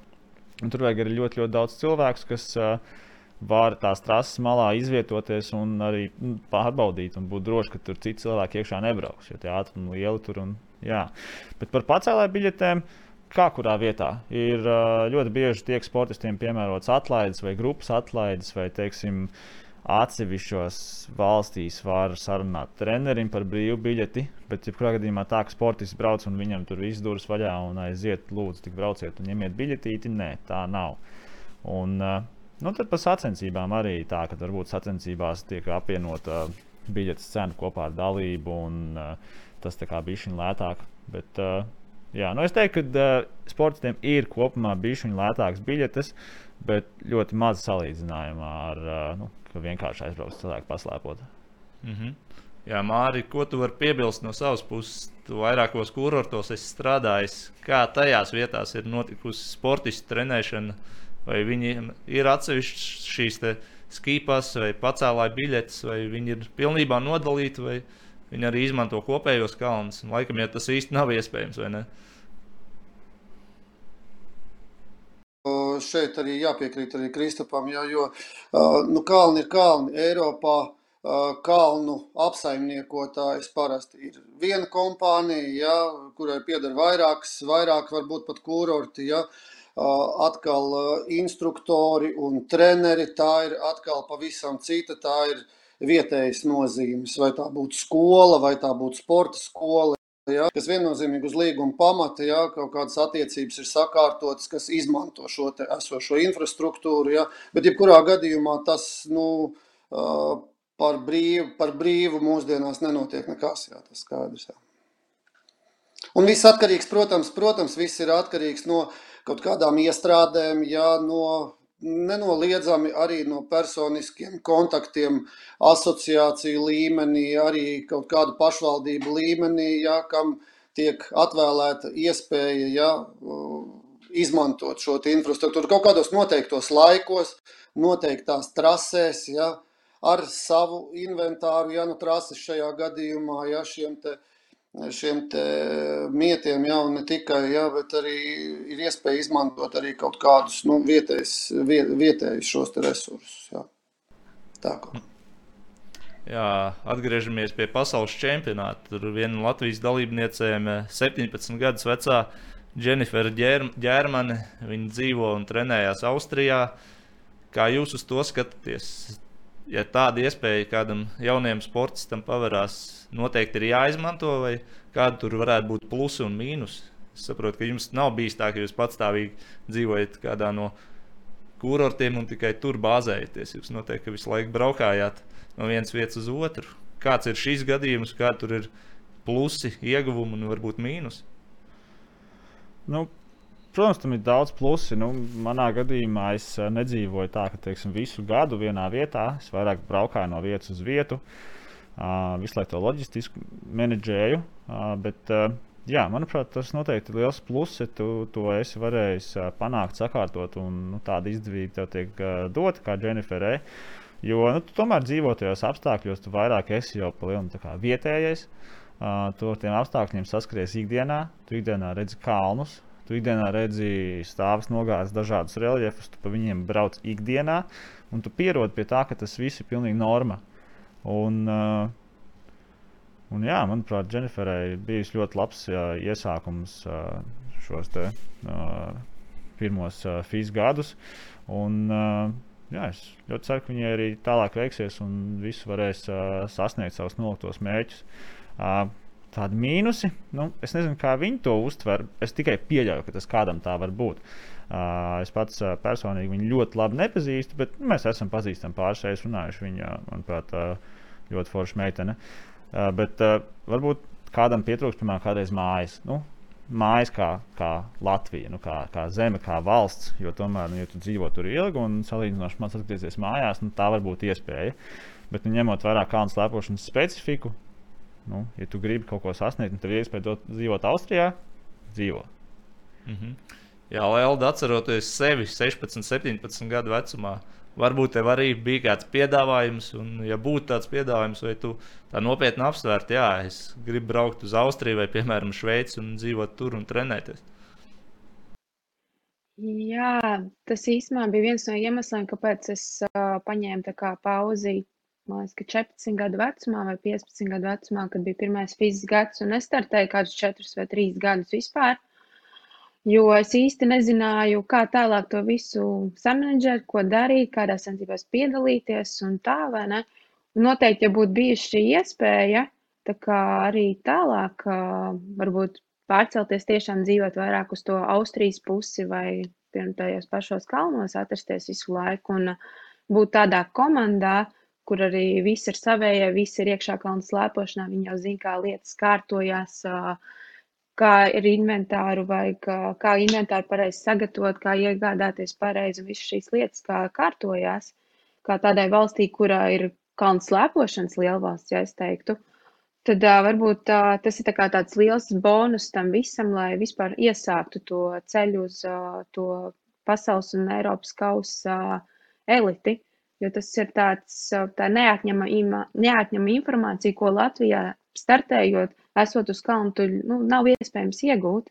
Tu neesi tajā apritē, tu neesi tajos cilvēkos, tu neesi ar tiem treneriem un arī starp tiem vecākiem, kas savus būtu iespējams veidot tam uh, augstākiem līmenim. Jā, pāriesim pie nākamās tēmas, bet daļai tā sanāk arī atgriešanās. vēl vienreiz pie finansēm, un šoreiz arī detalizētāk. Kristapa, tavā gadījumā, kā daudzās Latvijas ģimenēs, eh, visa ģimene ir kalnu slēpošanā, tev četri brāļi, visi mm -hmm. slēpo. Kā ģimene to menedžēja? Tu vienmēr esi uzsvers, ka nu, nē, mēs neesam miljonāri un bagātnieki, kas vienkārši ar to, to vienkārši var izdarīt. Kā jūs to menedžējat, ko tu vari pastāstīt citām ģimenēm, kas vēl tikai top, ka varbūt ir iespēja to darīt, ja to visi dara kopā. Jā, nu, tad droši vien būtu uz interviju jāaicina mamma un tētis, lai viņi pamatā to visu pasakā, kā tas bija no viņas skatu punkta. Bet uh, es domāju, tās nav nereālas lietas, jo tu vienkārši izvērtē kaut kādas prioritātes pirmsākumos. Nu, ir daudz lietas, ko tu vari uh, varbūt. Uh, Nedarīt kā ģimene, ja tu zini, ka tu vē, tiešām vēlēsies darīt citu lietu. Un, teiksim, tur uh, nu, nezinu, nu, nebrauc ceļojumos uh, vasarā uz siltām zemēm, nu, brauc ziemā, uh, slēpot. Bet, un, jebkurā gadījumā, jau, protams, laikam ejot, parādījās arī. Nu, Vislielākais ieguldījums, jebkurā gadījumā, ir no ģimenēm pašā sākuma posmā. Jebkurā gadījumā līdz kaut kādiem tiem pašiem 15, 16 gadiem, kamēr neesmu uzrādījis labus rezultātus īsti par tādiem atbalstītājiem, grūti domāt. Un tajā brīdī, kad nu, teiksim, man sākās labi rezultāti, tad jau, protams, kaut kas no malas nu, tiešām nāca un arī palīdzēja tajā atbalstītāju gadu, gadā, nu, gadu laikā jau parādījās ļoti daudz, un nevienmēr viņi pat ir nu, finansiāli. Viņi ļoti bieži ir vienkārši tādi materiāli atbalstītāji, kas tur teiksim, slēpjas inventāra apģērbu, kas slēpošanas gadījumā savāc jau ļoti, ļoti lielu summu. Bet uh, mans ieteikums nav, nu, tā, ka pats veidošu savu ģimeni un uh, ja es izvēlēšos savus bērnus sūtīt sportā, tad es droši vien varēšu pateikt tieši, tieši kādas sajūtas tas uh, raisa un ko tas tieši finansiāli prasa no savas skatu punkta. Bet uh, tādu iesākumu un līdz kaut kādam līmenim tikt, tas ir iespējams. Vienkārši jāmaina prioritātes. Mm -hmm. Jā, Lielda, tava ģimene arī ir ļoti līdzīga. Jūs abas ar māsu arī abas esat kalnu slēpotājs. Par savu gadījumu pastāstīt. Cik noteicoši bija ģimenes atbalsts, lai vismaz iesāktu to karjeru un varētu tikt līdz tam līmenim, kad tev jau pamana arī kāds no malas. Jā, mēs jau īstenībā esam nevis tikai divi, bet pieci bērni, kas jau slēpo. Un uh, jaunākā māsa arī tā kā cenšas. Mēs cenšamies viņu tā kā virzīt jau. Ir, tā, ir tāds mazais projekts, jā. Bet tā vecāka iesaistīšanās, protams, ir uh, sākumā līdz tam uh, pirmajiem rezultātiem, pirmajiem uh, panākumiem ir ļoti tāds. Uh, liels atbalsts visādā ziņā.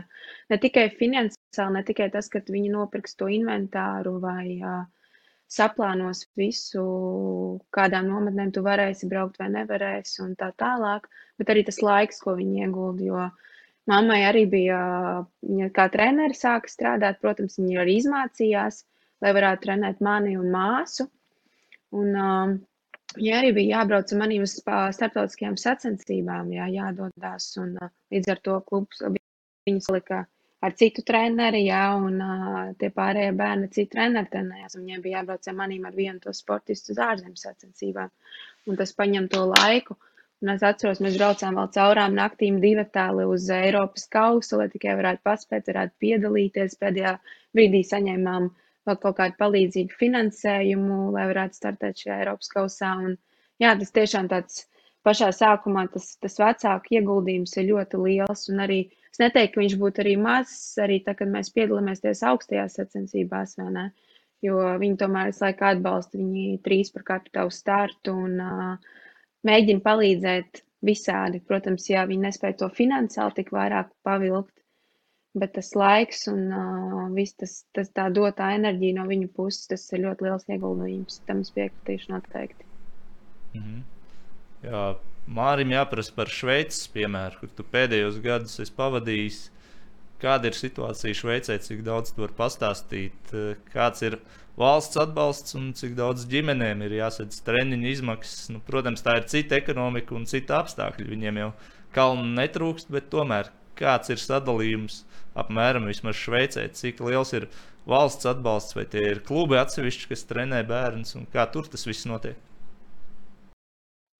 Nu, šajā, šajā jautājumā man tiešām būs salīdzinoši grūti atbildēt, jo kā pamatmans darbības veids ir tomēr šī komerc, komerc apmācība, ja, tātad klientiem, kas ir privāti klienti, kuriem nu, nav mērķis kļūt par sportistiem vai izaudzināt bērnu sportistus, ja, kuriem ir mērķis dabūt šo sākotnējo virzību, sākotnējo nu, šo te, mm, kustību slēpošanas virzienā. Ja?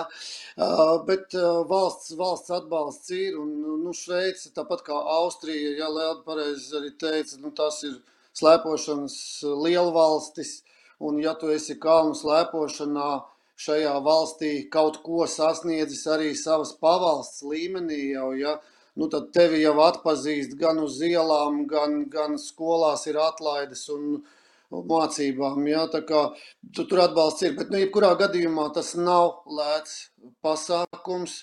E, ideāli ir, ja ir morālais atbalsts no ģimenes puses, un bez tā vispār nekāda arī iesākuma, iesākuma nevar būt.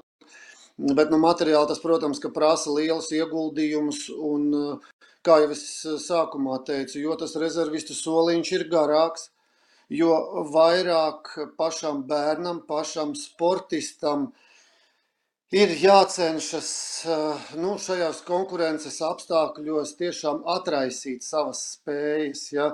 Jo daudz ir eh, bērni, kurus jau sākotnēji redz, jā, viņš ir talantīgs, viss, bet viņam pietrūkst tā gribas spēka. Ja?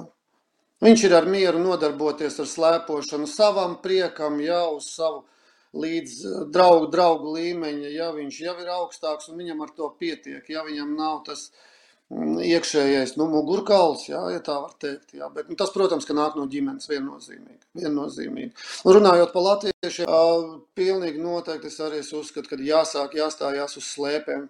Vispirms ir šeit, pie mums, nu, lai nu būtu tādas ziemas kā, kā šogad, ja, uh, Uh, bet, bet, bet, uh, pēc tam, pēc tam meklēt iespējas uh, kvalifikācijas celšanai un arī šo prasmu slīpēšanai, iemaņu iegūšanai Austrijā, Šveicē, Itālijā, ja, kur ir šai apmācībai, nu, tomēr metodiskai apmācībai ir nu, ilggadīgāka ja, šī pamats, pamats un pieredze ja, un speciālisti. Protams, jebkura pieredze tā mūs paceļ virs mūsu konkurentiem, jā, ja tā varētu teikt. Tā kā. Jā, paldies, Mārtiņ, par tavām domām, tavu viedokli. Novēlēsim tev, lai situācija visā pasaulē nomierinās un tu vari atgriezties nākamajā sezonā arī kādā no lielajiem Eiropas kurortiem, bet mēs turpināsim jau ar nākamo tēmu. Nākamā tēma ne tā pat patīkamākā karjeras beigšana vai karjeras iepauzēšana. Abi mūsu viesi, gan Kristaps Zvejnieks, gan Lielda Gasu, un, kā jau minēju, ļoti augstā līmenī ir darījuši to, ko viņi vislabāk māca, proti, kalnu slēpošanu. Abi ir tikuši pasaules kausa posmā 30. abi ir Olimpisko spēļu dalībnieki pasaules kausa apritē, ir slēpojuši, piedalījušies praktiski visās lielajās sacensībās, bet nu, vismaz šobrīd viņi to vairs nedara. Un jautāsim abiem, kāpēc tā, un Krista pastāst vispirms tu par savu situāciju. Šķiet, 2019. gads bija tas, kad tu teici, es izlaidīšu šo sezonu, arī tagad tu nepiedalies sacensībās. Eh, pastāst par to situāciju, kas tieši mainījās. Es saprotu, finansiālais apstākļus bija tas galvenais, mm -hmm. kāpēc nolēma iepauzēt. Jā, nu manā gadījumā tas bija finansiālais apstākļus, jo tas bija 18. gadsimts pēc, uh, pēc Olimpiādas. Uh, Tā kā vasaras beigās es jau sapratu, ka tās finanses vienkārši neliekas vairs kopā. Tā. Manā gadījumā es lēmu pieņemt, tāpēc, ka es nebiju gatavs līdz galam turpināt, ja tā situācija kaut kādā ziņā neuzlabosies, vai vismaz nebūs tāda pati. Un es neredzēju īsti iespēju, ka finansiāli tas varētu būt tāpat, jo kaut kādās attiecīgās organizācijās tika piegriezts, nogriezts uh, pilnībā, un arī tas bija tas gads, kad tika izmainīta. Uh, nodokļu politika un teiksim, ziedojumi vairs uh, uh, nevarēja tikt uh, piešķirt sportistiem, kas ietekmē ļoti daudz sportistus. Un, uh, jā, tas jau viss tā, tur, tur nav. Tas nav tāds noslēpums, ka galvenais bija finansiālais aspekts. Tad es sapratu, ka es paņemšu gadu pauzīti un uh, pastīšos to sportu no citas puses. Tad es kaut kā nesen sapratu, ka tas, tā pauzīte jau ir uh, ilgāka. Lelde, tev arī karjeras noslēgums vai pauze. To tu arī varēsi paskaidrot, kā tad īsti ir eh, sanācis pēc ļoti labiem rezultātiem, pēc Olimpiskajām spēlēm. Pirms tam arī pasaules kausā sasniedz savu labāko rezultātu. Kā tev nāca šis lēmums un kas piespieda iepauzēt vismaz, ja ne noslēgt karjeru? Um, tik laikam kā Kristapam, kad um, aptrūkās arī finansējums jau būtībā jau pēdējās divas sezonas tieši pēc šī labā pasaules kausa starta. Tas finansējums sāka sārupt, mazāks bija jādomā, uz kurām sacensībām braukt, kurām nebraukt sacensībām, kā trenēties, kad netrenēties, cik daudz mēs jauties trenēties. Līdz ar to arī tā pārliecība arī tika tā mazliet tā kā iedragāta, jo tu saprati to, ka tu nespēji vairāk tik daudz uh, finansiāli pavilkt līdzi visiem pasaules kausa braucējiem, ka tu nespēji būt uz vietas visās sacensībās, visos treniņos nepieciešamos, jā. Ka vienīgais, ko tu vari šajā finansējumā izdarīt, ir tikai fiziski pie sevis strādāt un arī varbūt mentāli, jā, bet sniega apstākļos atrasties vairāk neizdevās tik ilgi un uh, tik bieži. Tāpēc arī sāku apjaust to, ka uh, šādi vairāk turpināt, kā es nevēlos tajā brīdī. Protams, uh, ar tādu domu, ka uh, es nepielieku kā pilnīgu punktu, kad es uzreiz apsaku viss, jo var arī tā situācija mainīties pēc mēneša vai diviem, jā. Un uh, tā arī kaut kā sanāca izlemt šādu lēmumu, jā. Nenācās viegli, es domāju, arī Krispam nebija viegli pie šī lēmuma nonākt. Es pilnīgi ticu, ka tas nav no vieglākajiem lēmumiem dzīvē, bet eh, tu jau pieminēji International Ski Team. Šīs komandas atbalsts tas vairāk bija noteikti tehnisks, un tikai ar to nevarēja iztikt, lai turpinātu. Tā jā, nu, būtībā International Ski Team atbalsts nāca gan tehnisks, gan, gan cilvēku ziņā, gan arī finansiāls. Būtībā lielākā daļa visa atbalsta nāca, vai pat es varētu teikt, ka nu, viss atbalsts nāca no šīs puses.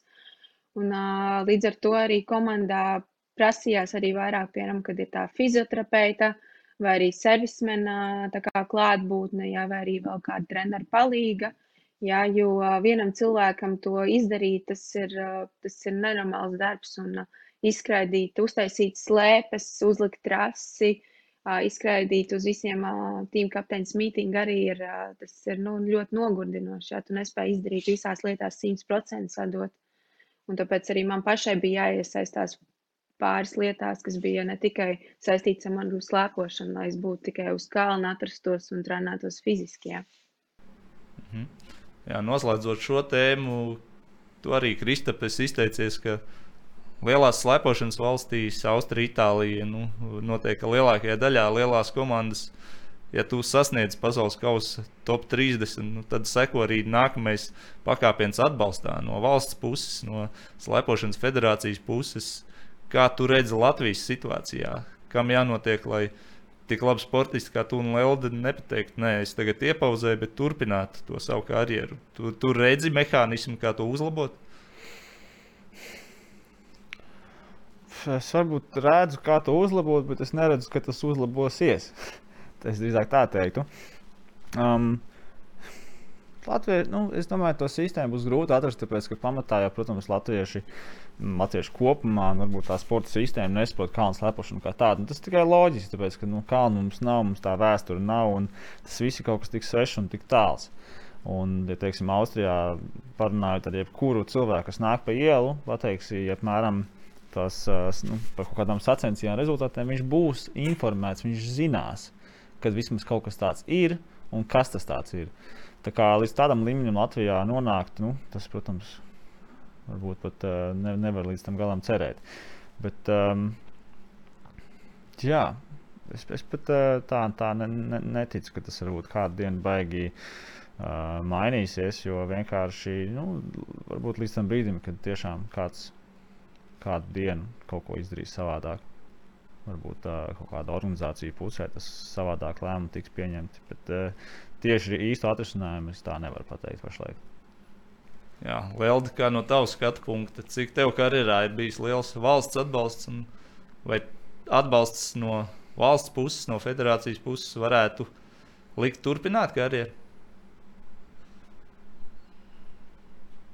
būtībā viņš ir bijis tas atbalsts, bet tas atbalsts bijis tā vairāk, kad uh, mēs tiekam aizvest uz attiecīgām sacensībām, kurās mums ir jānostartē valsts interesēs vai federācijas interesēs arī. Ja.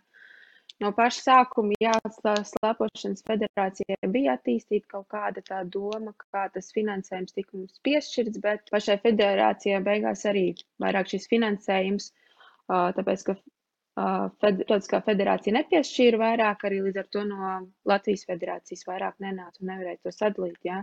Bet uh, vispār valstiskā līmenī par to runājot, tas, manuprāt, uh, mums arī iebraucot top 30, uh, mēs neiekļaujamies nevienos normatīvos. Ja?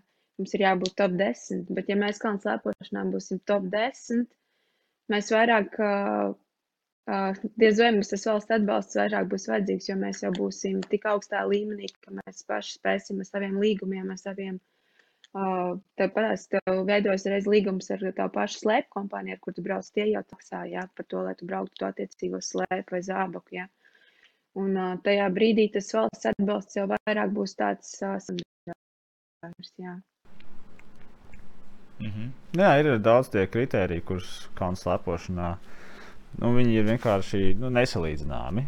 Teiksim, es atceros savu skatu punktu. Vienkārši ir kaut kādi ir ļoti daudz kritēriju, lai tu tiktu kaut kādos sastāvos no Olimpiskās vienības, bet ļoti daudz no tiem kritērijiem mums tādas sacensības neeksistē vispār. Mums nav Eiropas čempionāts, mums ir Eiropas kausa.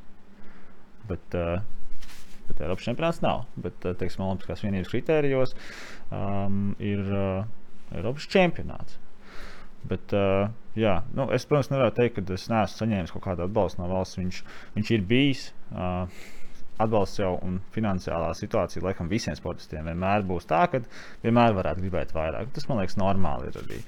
Bet uh, es nevaru teikt, ka es nebūtu atbalstīts no valsts. Bet nu, pamatā, protams, tie vienmēr bijuši privātie sponsori. Vienmēr bijuši privātie sponsori, cilvēki, kas redz tevī droši vien to deksmi, to vēlmi kaut ko sasniegt un pierādīt. Uh, Manā gadījumā man arī paveicās ar sponsoriem ārzemēs, ka bija cilvēki, kas man pamanīja, bija cilvēki, kas bija gatavi manī ieguldīt. Un, jā, vienkārši vairāk gadu garumā to arī palīdzēja darīt.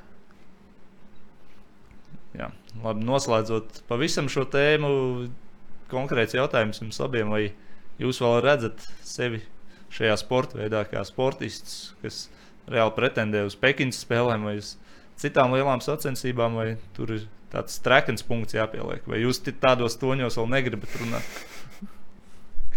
Pekins spēlēm tas nu, ir nākošais gads. Jā, Nē, protams, to nav. jā, uh, mm, jā nu tas nav. Tas noteikti nav tā, ka tu vari atgriezties. Nu, es, es, es, es nestos uz Pekinas slēpjumu uz sevi kā sportistu, jebkurā gadījumā, tāpēc, kad uh, Es, ja atgrieztos, es gribētu atgriezties nopietni. Es negribētu atgriezties. Un es vienmēr esmu bijis sportā, varbūt bišķi no, pārāk nopietns, vienmēr pārāk nopietni piegājis visām lietām, pārāk labi gribējis visu izdarīt precīzi, tad pat bišķi tā pedantiski brīžiem.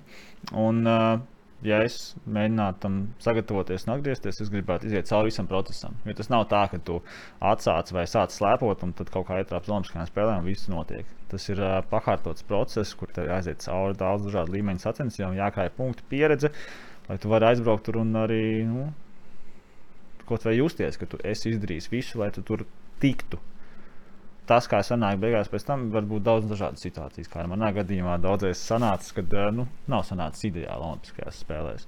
Teiksim, pagājušajās Olimpiskajās spēlēs, manuprāt, ļoti labi nostartēju nu, pats priekš sevis gan nobraucienā, kombinācijā, gan slalomā, kur nobraucienā es biju ļoti tuvu uzvarētājiem manuprāt, bija 3-4 sekundes, un slaloma braucienā bija 14. vietā. Un sapulsojot to visu, sanāca 26. Tas, manuprāt, bija no lielajām sacensībām mans labākais sasniegums. Un, bet uh, slalomā man neveicās. Vienkārši ļoti daudz dažādu ap, apstākļu sakrīt, kad uh, ne, uh, Korejas spēlēs, ne arī pirms tam Krievijas spēlēs, es slalomu nefinišēju. Mm -hmm. Jā, Leld, kā tu varētu atbildēt šo jautājumu? Pekinas spēles un vispār kopumā atgriezties kalnu slēpošanā? Būtībā sagatavoties jau sagatavoties, mēs arī spētu tās sezonas laikā. Viens arī domāju, ka Kristaps varētu, jā, bet uh, viens ir aizbraukt uz viņām un viens ir nostartēt tā, kā mēs vēlētos. Jā, un, Es arī varētu teikt to, ka es tomēr nestāstu šīm Pe- Pekinas Olimpiskajām spēlēm. Es varbūt neesmu tā kā skaļi pateikusi un pielikusi to punktu tai slēpošanai, jo sirdī man ir ļoti grūti to izdarīt. Bet tā, jā, paralēli es trenēju bērnus jau, arī jau jauniešu vecumā, kas jau gatavojās starptautiskajiem startiem. Es iedod to savu pieredzi, ko es esmu krājusi šiem bērniem. Es esmu ļoti priecīga par to, jā. Un, jā, man ir arī, es ceru, ka man izdosies pāris tos bērnu projektiņus, varbūt, ko saukt bērns projekts, jā, izvirzīt tomēr FIS sacensībām, varbūt parādīt to, ka ir arī slēpošana ārpus tiem Latvijas kalniem, ir sacensības Latvijas kalniem, un ir iespējams mums arī konkurēt ar viņiem, un tāpēc es izvēlu, un tas lēmums pagaidām ir šāds, jā. Jā, noslēdzošā tēma šajā podkāstā - latvieši un ātrās disciplīnas. Daudz jau šodien esam runājuši par to, ka lielākā daļa latviešu tomēr piedalās slalomā, arī milzu slaloma disciplīnās. Nu, protams, tas arī lielā mērā saistīts, ka šeit uz vietas jā, mēs to varam darīt. Mēs varam trenēties slalomā vismaz kaut kādā līmenī. Kristaps, sākšu ar tevi. Tu esi braucis nobraucienu, arī supergigantu vai Latvijas to var darīt, un kam ir jānotiek, lai Latvijas arī ātrajās disciplīnās, tā saucamajās, būtu konkurētspējīgs. Jo tie lielie panākumi mums lielākoties tomēr ir slaloma. Jā, nu, tas ir no tās puses, skatoties, ka vismaz pusi no pasaules kausa trases var uzlikt Latvijā, slaloma. Bet uh, nu, apmēram pusotru, varbūt divus mietus varētu uzlikt uz pilsētas trases Latvijā nobraucienu. Un, uh, jā, nu, trase ir vismaz Latvijas garākā desmit reizes, ja ne pat vairāk īsāka nekā normāls supernobrauciena garums. Tā kā nu, tīri loģiski apstākļi pēc Latvijā mēs to nevaram trenēties. Bet uh, nu, kāpēc Latvijas to nevarētu darīt? Tas ir īstenībā tikai jautājums par to, cik ļoti var atrast tās iespējas nu, trenēties to. Bet trenēt nobraucienu supergigantu un ātrās disciplīnas ir, ir grūtāk atrast tādas iespējas. Un, tur pilnīgi noteikti vajag meklēt komandu, jo nu, tīri tā apstākļa pēc, kad tas bieži vien ir īstenībā vēl pat, es teiktu, finan nu, dārgāk. Un loģistiski sarežģītāk, jo tās trases, kur mēs to varam darīt, un tie laiki, kur mēs to varam darīt, un arī tas uh, gan komandas lielums, cik tur vajadzīgs, gan ņemot vērā faktu, ka uh, tā trase ir jāslēdz visa, un nu, par to jau arī bieži kādam ir jāsamaksā. Tad uh, jā, tas, to, to nav vienkārši darīt, bet darīt to var. Jā, šobrīd mums ir pieslēdzies Elvis Opmanis, viens no tiem, kurš mēģina to darīt. Un arī šī gada pasaules čempionātā, supergigantā, 33. vietā. Elvim, sveiks, Elvi! Pastāstiet vispirms, kas notika tik, tikko. Pieslēdzamies tev uzreiz pēc Milzu slaloma kvalifikācijas pirmā brauciena. Pastāstiet, kas tur notika. Un sveicināts arī no Kristapa Zvejnieka un Lielas Gasunas. Jā, sveiciens visiem, sveiciens Leldai Kristupam. Uh, šobrīd esmu tikko veicis, nu, līdz galam neveicis, diemžēl izstājos uh, pustrasē gigantu kvalifikācijā. Mums uh, Mikls Vēnieks ļoti labi nobrauc, šobrīd ir, uh, ja nemaldos, vēl 25. vietā, un uh, Žaks arī turpat netālu ir. Mans brālis arī, viņam tur nebija tik veiksmīgs brauciens, mazliet nenoturējās uz ledus, bet uh, vēl ir otrais, tā kā pārējie brauks tālāk. Es, diemžēl, izslīdēju un nebraukšu vairāk otro braucienu. Jā, Elvi, ko tu mums vari pastāstīt par ātrajām disciplīnām? Nu, tiešām, kā jau minējām, latvieši asociējās vairāk vai mazāk ar slalomu, milzu slalomu, bet tev super, supergigantā labs panākums šajā pasaules čempionātā. Pastāst vispār, kāpēc tu un tavs brālis vairāk akcentu liek, vai vismaz tikpat lielu akcentu kā zemākām disciplīnām liek arī nobraucienam un ātrajām disciplīnām. Kāpēc jūs tādu virzienu esat izvēlējušies? Nē, nu jā, nu kā jau arī Kristaps pirms tam stāstīja, nu, tās ātruma disciplīnas ir ievērojami grūtāk trenēties. Tāpēc, ka tiešām, nu, piemēram, pasaules čempionātā nobrauciena trase bija 3 km gara. Mēs kaut ko, tā, kaut ko tādu mēs Latvijā, protams, nevaram iedomāties. Bet uh, uh, man viss tas koncepts tam ātruma disciplīnām kaut kā ir daudz labāk patīk, jo tas, tas arī, arī tā atmosfēra, kāda ir, piemēram, šāda līmeņa sacensībās, visi ir mierīgi, visi ir nosvērti, skaidri zina, kas viņiem ir jādara. Un uh, tas ir vienkārši tāds, manuprāt, tev ātruma disciplīnā ir daudz vairāk jādomā, to man patīk darīt un jāplāno, kā tu to trasi veiksi, kurā tieši bedrītē tu dabūsi vēl kaut kādu ātrumu ārā, kur tu vari vēl taisnāku līniju paņemt, vēl taisnāk braukt. Un, uh, nu jā, supergigants tādā ziņā ir tāds nobrauciens savienojums ar gigantu slalomu, bet nobrauciens vispār parasti seko vienkārši kāds ir kalna reljefs, tā arī tev ir jābrauc, un tur ir tik daudz, tad tā trase brīžiem var būt pat 20, 30 metrus plata, un tad tev ir jāizdomā, kurā tieši no tiem metriem tu ierakstīsies un kur tev būs ātrākā līnija. Un, uh, nu jā, nu, protams, jau tas ātrums aizrauja kā tāds, un uh, Austrijā mēs arī, mēs arī spējam atrast salīdzinoši normālus apstākļus, kur to trenēties, bet nu, tur ir svarīgi pieminēt to, ka tādam ātruma braucējam man ir 23 gadi šobrīd ir vēl ļoti maz. Jo tas vidējais ātruma braucēja vecums ir stipri lielāks. Tur brauc tiešām cilvēki un sportisti ar, ar lielu pieredzi, kas arī, piemēram, pasaules kausa sacensībās, viņiem ir ar GPS ko koordinātēm noteikts, kur ir jābūt nobraucienu trasēm mietiem jau pēdējos, es nezinu, nemal, negribu samelot, bet sešus gadus noteikti.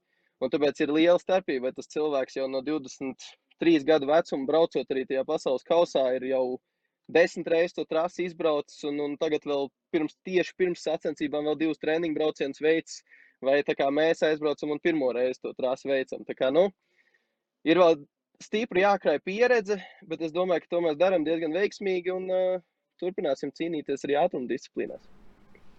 Lelde, pastāst, kāda tev ir bijusi pieredze ātruma disciplīnās nobrauciens, tas tev ir pavisam svešs, vai arī esi mēģinājis, un kā tev tas ir paticis?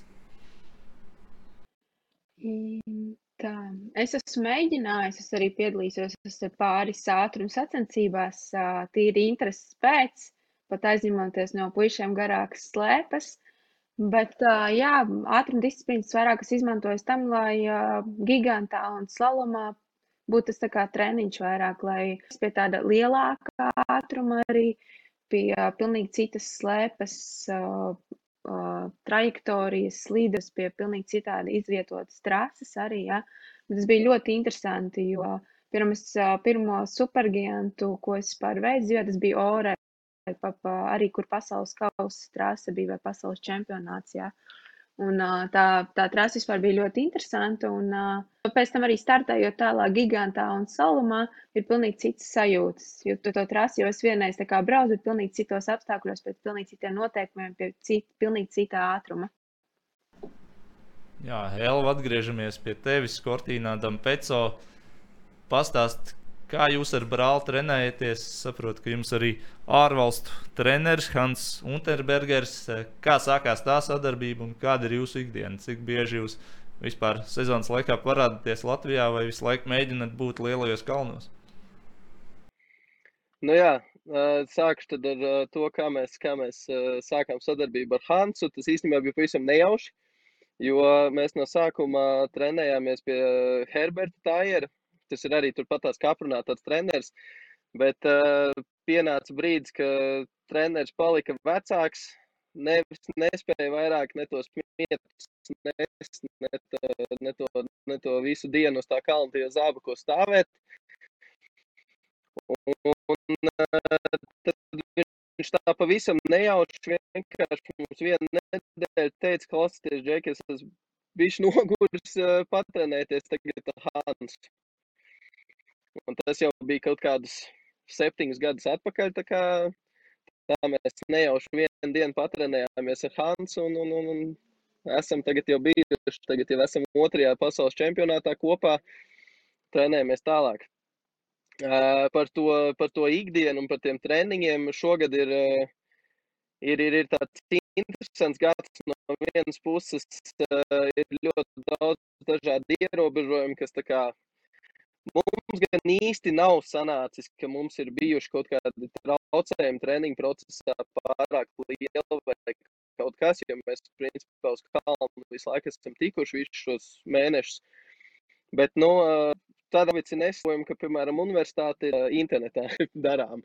Līdz ar to, te, nu, tev nav jābūt uz vietas obligāti Latvijā, lai to visu mācītos līdzi.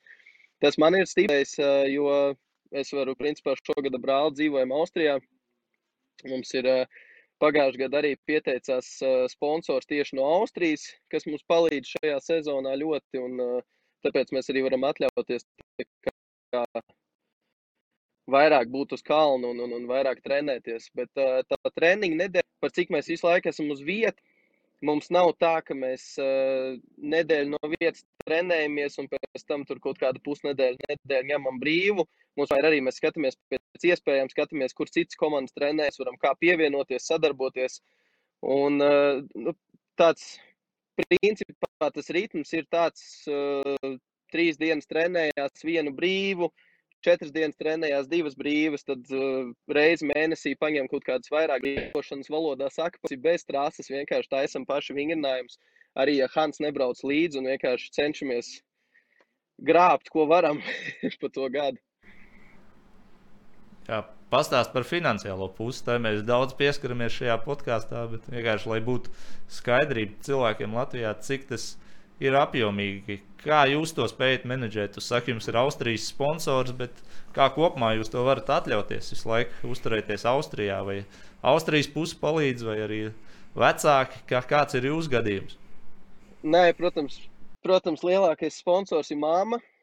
Uh, bet uh, Mēs vienkārši, mums šobrīd ir tā, ka mums, uh, mums ir ilgtermiņā vienkārši dzīvoklis Austrijā. Šobrīd noīrēts pavisam maziņš. Tur mēs, mums vietas pilnīgi pietiek, bet nu, tas nav nekas tāds tur šausmīgi ārprātīgs. Tur dzīvoklis kalnos vai kaut kas. Tas ir vienkārši tāds normāls izdzīvošanas variants, kur viss ir, viss pietiek, bet, bet, bet nu, loģiski. Ņemot vērā tos līdzekļus, kādi mums ir, ko mēs varam atļauties, tā mēs dzīvojam. Uh, bet, uh, Nu, jā, nu, principā lielākās izmaksas, protams, ir ekipējums un, un, un treneris. Tad tur nāk klāt pacēlāja kārtas, kaut kādi mieti, kaut kas tāds. Mums ir arī, arī, arī paveicies, ka mums tehnisko atbalstu sniedz arī liela sporta veikala ķēde Austrijā, kas, kas, kas, kas vienkārši nu, veids tādu elementāro apkopu slēpēm pēc nu, pēc tādu lielāku apkopu, jāsaka, slēpēm un, un, un, un sakārto visas, visas lietas uz zābakiem. Bet, uh, nu jā, nedzīvojam pāri savām iespējām, vienkārši paši taisam ēst, paši, paši, paši, paši visu pēc iespējas darām. Un, un, un, un izdzīvojam paši vasarā, arī meklējam darbus un strādājam, lai pelnītu līdzekļus sezonai. Tas ir, ir, ir, ir intensīvs darbs, jāieliek, un pēc tam ziemā ir jāturpina intensīvs darbs, ielikt treniņos, bet uh, šobrīd tas ir ļoti labi izdevies un izdodas. Mm -hmm. Jā, pievērsīsimies atkal, atkal Kristapam un Leldei. Pastāstiet, kāda ir jūsu pieredze ar ārzemju treneriem. Noteikti tā ir arī kalns lepošanas ikdiena, ka treneri pārsvarā ir ārzemnieki. Vai tā ir bijusi jūsu gadījumā, Kristap? Ir sanākusi sadarbība ar ārzemju treneriem un cik to ir viegli vai grūti samanģēt. Viņiem noteikti ir vairāki audzēkņi, un viņiem ir jāmaksā, kāda ir tā treneru sadaļa, vai tas ārzemju treneris ir labākais variants tādā pasaules kausa apritē, ja es nonācu. Jā, nu, mana pieredze ir. Nu, protams, daudz un dažāda. Daudz, kur ir sanācis gan, gan pašam privāti trenēties pie ārzemju treneriem. Tas, nu, tas, tas, es sāku to 16 gados. Uh, Man aizveda teica krustā, toreiz mēs vēl braucām, satikām Austrijā treneru, kur bijām saņēmuši labu atsauksmi uh, no ciegūniem. Un, uh, aizbraucām, satikām, iepazināmies, un tur atstāja uz mēnesi. Un tad uh, man ļoti patika. Jūtu, ka sāk sanākt uh, vairāk ar visas lietas, un tā es ar viņu notrenējos arī kaut kādus 6, 7, 8 gadus. Bet uh, laikam ejot, es sapratu, ka uh, Nu, ir daudz un dažādi varianti. Teiksim. Protams, ir ļoti labs variants privātais treneris ārzemēs, nu, kur vienkārši ir kalni. Ir, protams, ir labs variants privātais treneris Latvijā, bet nu, šeit nav kalni. Un, Tad vienkārši laikam ejot, es jau biju ļoti daudz jaunas lietas nu, iemācījies, sakārtojis tehniski visu un uh, psiholoģiski. Un vienā brīdī es vienkārši sapratu, ka man vairs nedara privātais treneris, man vajag komandu, kur uh, gan braukā vairāk apkārt ir tur, kur jābūt, Tas ir viens, un otrs ir tas, ka kalnu lepošanai ļoti svarīgi vienmēr meklēt uh, cilvēkus, ar kuriem tu vari spāringot. Jo, uh, nu, kad tu trenējies viens pats, nu, tas ir tur, tu vairāk stāv pie pamatlietām, lai tu sakārto tehniku tik tālu, ka tu nevari izdarīt nepareizi. Bet, uh, tā, kad tu gribi tieši tādā sacensību režīmā un pielāgoties tam vairāk, tev vajag cilvēkus, kuriem salīdzināties, un cilvēkus, kuri ķert, un cilvēkus, kuri tevi ķer. Tas formāts, pie kuras pārgāju jau vēlāk, bija komanda, kur bija daudz sportistu, vienkārši daudz treneri, un viņi vairāk to visu sezonu pavadīja kopā. Tas, protams, jā, nu, tie, tas, tās visas lietas arī kaut ko maksā. Tur ir cipars apmēram no līdzi. Bet uh, par cipariem jau sākumā arī Lielda teica, nu, kā privāti treneri apmēram maksā un komandas. Kā, jā, tur ir uh, vajadzīgs ieguldījums arī, protams. Jā, Lelda, ko no savas puses var pateikt? Kāda ir tava pieredze bijusi ar ārzemju treneriem? Cik ilgi tā ir bijusi un cik veiksmīgi? Jā, kopš es atgriezos tā kā atkal slēpošanā, tad tā pirmā lieta bija, protams, ka es meklēju treniņu iespējas ārzemēs, respektīvi treniņu komandu treneri, un kas man arī izdevās. Es sameklēju FIS līmeņu komandu no sākuma un treneri.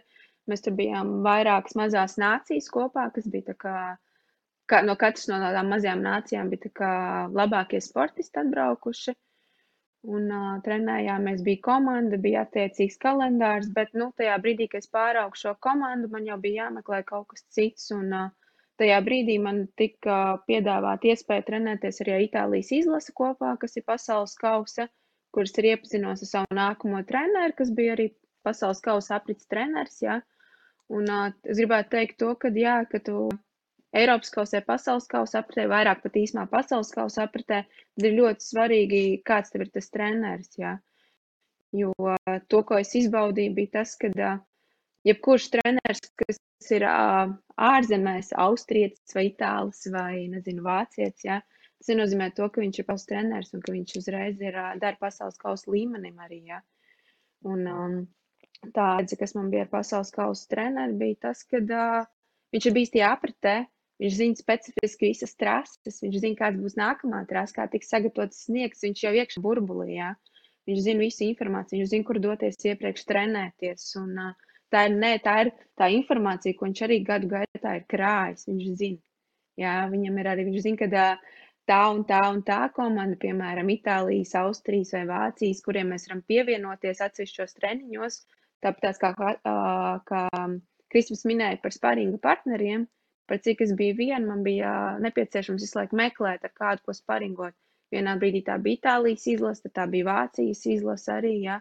tā pati Austrijas izlase. Un, uh, tas ir ļoti svarīgi, ka atrod šos treniņu, treniņu iespējas, treniņu kalnus pietuvinātu sacensībām un tieši ar tiem sportistiem, ar ko tu visticamākais, ka arī sacensties. Jā, jo ir forši vienam slēpot, tu vari savā mierā, savā burbulī te, te domāt par tām savām kļūdām, bet pienāk tas brīdis, kad tev jālic ir iekšā un jā, jācīnās, jācīnās ar pārējiem arī, lai tu varētu sev pilnveidot, attīstīt to ātrumu trasē un, uzlabot tos rezultātus, nevis tikai skaisti nobraukt. Jā, Elva, atgriežamies pie tevis, Kortīnā Dampeco. Pastāst par jūsu ikdienu tieši sparingu ziņā, ko Kristaps un Elda arī pieminēja. Jūs esat vairāk ar brālēm kopā viens ar otru sparingojat, vai ar to jums pietiek, vai ir vēl sportisti, tie paši austrieši, kas jums palīdz šajā ziņā? Nu, tieši šobrīd Kortīnā ir tā, ka treniņi tiek organizēti vienādi visām komandām. Tas nozīmē, ka labi, tur uz ātruma disciplīnām bija tā, ka vairāk savācās tur norvēģi, francūži, austrieši, no nu, tādas lielākās komandas kopā. Uh, taisīja savus treniņus vienā vietā, noslēdz visu kalnu. Un tad mazās komandas palika, palika, piemēram, uz citas trases trenēties. Bet nu, tāpatās, jā, nu, tur arī uzreiz nāk, uzreiz nāk tie sparīgi partneri klāt, un, un, un, un tu vari arī uzreiz, protams, salīdzināt, salīdzināt sevi ar, ar citiem līdzvērtīgiem vai labākiem braucējiem. Bet uh, ikdienā, protams, uh, dēls ir labākais sparīgi partners. Eh, tur gan, tur gan, tur gan viņš vairāk uh, iegūst no manis, jo es šobrīd vēl esmu ātrāks par viņu, tāpēc viņš var paskatīties, kādu es tur trajektoriju paņēmu, vai, vai, vai, vai, vai, vai nu, citas tādas detaļas paskatīties, pamācīties un tad mēģināt uh, īstenot pats trasē. Bet, nu jā, dzīvojot Austrijā, mēs esam tādā tā kā Austrijas centrā, principā netālu no Zaldzburgas. Un uh, tur arī ļoti lielu lomu spēlē tas, ka tas ir tas ārzemju treneris, tas vietējais, kas tur ir, viņš pazīst. Riņķī apkārt ļoti daudz treneris, ļoti daudz komandas. Līdz ar to arī tagad, kad mēs esam sasnieguši kaut kādu līmeni, ka mēs vairs neesam apmēram apdraudējums treniņā, ka mums, mums var droši laist principā pie kāda kalna braukt lejā un trenēties. Tad uh, mēs īpaši šogad ļoti daudz sadarbojamies arī ar vietējām komandām, arī ar, uh, piemēram, Zaldzburgas zemes izlasi, kas uh, principā uh, nu, ir arī ļoti augsta līmeņa komanda. Vienkārši ņemot, tie, ka tie, jā, tie kalnu slepotāji ir tik daudz un tik labi, viņi vēl varbūt nav sasnieguši tieši Austrijas izlases līmeni vajadzīgo, kas ir ļoti augsta latiņa. Bet, uh, nu jā, ar tādu Zaldzburgas, Zaldzburgas zemes komandu, kur mums ir šogad sanācis ļoti daudz trenēties, tur ir ļoti labi spariņu partneri, un tas, protams, ir gan, gan treneriem vieglāk ka viņi vairāk sadarbojās un, un nav tur vienam trenerim un pašiem sportistiem jānes mieti, bet ka ir vairāki treneri, kas var uzspraust trasi, kas pēc tam var pielabot trasi, ja ir nepieciešams un tādā garā. Un, uh, protams, arī tie sparīgi partneri vienkārši tā pieredzes apmaiņas starp, starp, starp sportistiem kā tādiem. Nu, viņasim, pēc trases apskates treniņā arī vienkārši aprunāties, kā tev tur likās tā, tā vieta vai tas grieziens, kā tev liekas, kā tur vajadzētu braukt iekšā. Un tas, tas arī, protams, palīdz, nu, kad tu pēc tam redzi līdzīgu griezienu sacensībās, tu uzreiz arī iedomājies, ok, tas ir tas, ko es uzreiz domāju. Bet tur treniņā mēs ar, ar to un to runājām, ka tur varētu arī tā domāt. Nu, un tev, tev rodas tādas arī vienkārši daudz dažādas perspektīvas, kuras pēc tam palīdz gan, gan tālākos treniņos, gan, protams, arī sacensībās. Jā, jau pastāst par tuvāko gadu nākotni. Cik daudz tu zini, jūs paliekat dzīvot Austrijā un trenēties pie tā paša trenera, un kādi ir tie tuvāko gadu mērķi? Zināms, ka Pekinas spēles ir pavisam tuvu. Tas ir jūsu mērķis, vai, vai tā, vairāk tie mērķi ir tādi ilgtermiņi? Nē, protams, ka Pekinas spēles, spēles arī ir mērķis, protams. Bet uh, tādus ilgtermiņa plānus, uh, nu, katrā ziņā treneri mēs šobrīd noteikti netaisamies mainīt. Uh, tā sadarbība bija ļoti laba un, un, un, un viss, viss, viss iet kā tam, kā, viss notiek, kā tam būtu jānotiek. Uh, tālākie plāni ir uh, vienkārši censties. Šogad bija ļoti neveiksmīgs gads, tādā ziņā, ka īstenībā pat nezināmu iemeslu dēļ atcēla ļoti daudz nobraucienu sacensības. Tāpēc, pieņemsim, arī šogad uh, man ir izdevies izbraukt supergigantā ļoti labus punktus, bet tajā nobraucienā uh, kas pagājušajā gadā, pagājušajā gadā, principā pagājušajā sezonā arī nebija iespējas braukt nobraucienu, jo vienkārši nebija sniega. Tad, kad bija sniegs, tad viņš uznāca, tad tas sniegs uznāca ļoti strauji un ļoti lielos apmēros, un arī nebija iespējams rīkot ātruma sacensības, jo ātruma sacensībās loģiski ātrums ir daudz lielāks, tur nepietiek izšķūrēt trasē tādu 30 metrus platu taciņu, kur var uzsprāst gan slalomu, gan gigantu ātrums sacensībās, principā visai, visai, visam kalnam ir jābūt perfekti līdzenam, jo, ja tu ar, braucot ar kaut vai ar 100 km/h uz slēpēm, izbrauc ārā no trases un iebrauc mīkstajā sniegā, nu, tas automātiski vienkārši beidzas ļoti bēdīgi. Bet uh, tuvākie plāni noteikti pēc čempionāta ir Eiropas kausa posms netālu no tās vietas, kur mēs dzīvojam, un arī tur, kur mēs esam trenējušies Zalbahā. Tā kā ir vienkārši tas, ko mēs īstenībā sapratām pēc pasaules čempionāta supergigantu sacensībām, ka ir vienkārši jābrauc sarežģītākas trases, un tas vienkārši nozīmē braukt augstāk līmeņa sacensības. Jo tās treniņa iespējas, eh, kā es teicu, piemēram, Zalbahā, kur tagad būs nākamais Eiropas kausa posms, ātruma disciplīnās, eh, tur principā ikdienā var tikt trenēties, bet šogad saistībā ar visu Covid krīzi un visu Viņi netaisīja vaļā pacēlējus un negatavoja kalnus. Tā kā mums, principā, arī jau oktobrī, novembrī bija plāns braukt uz turieni, arī trenēties ātrumus un, un, un, un, un, un uh, gūt to pieredzi lielākā ātrumā un uz, uz lielākiem lēcieniem un tā tālāk, pēc arī tā kalnu braukt, bet tas, diemžēl, nebija iespējams. Tad droši vien plāns tiešām būtu uzliekties vairāk uz Eiropas kausa sacensībām, vienkārši lai gūtu to pieredzi, lai tu, nu, vienreiz nobraucot tādu sarežģītu trasi. Un vienreiz kā, tiekot pāri tam, nu, principā, baiļu slieksnim, ka, kā tur tagad būs un, un, un, un kā es tagad tur izbraukšu, vai kā man tur tagad to griezienu paņemt, tev uzreiz rodās pārliecība, un ar to pārliecību pēc tam tu vari daudz tālāk tikt, nekā, ja tu vienkārši brauc vieglākas trases ļoti daudz reizes. Tāpēc tas plāns noteikti, vismaz man noteikti būs uh, droši vien nākamgad arī, nu, protams, no sākuma ir jāmeklē finansējums. viss jau tik daudz pieminētais un vispārējais, bet uh, plāns noteikti būtu vairāk braukt uz Eiropas kausa sacensībām. Jā. Novēlam, lai plāns, protams, izdodas. Lelda un Kristap, kādi būtu jūsu ieteikumi abiem brāļiem opmaņiem? Jūs to ar lielu pieredzi pasaules kausa apritē, ko jūs viņām, viņiem gribētu nodot, kas ir jāievēro, lai turpinātu veiksmīgu karjeru? Hmm. Nu, jāmauc, jāstrādā ar sevi baigi, arī psiholoģiski, lai to visu var izturēt.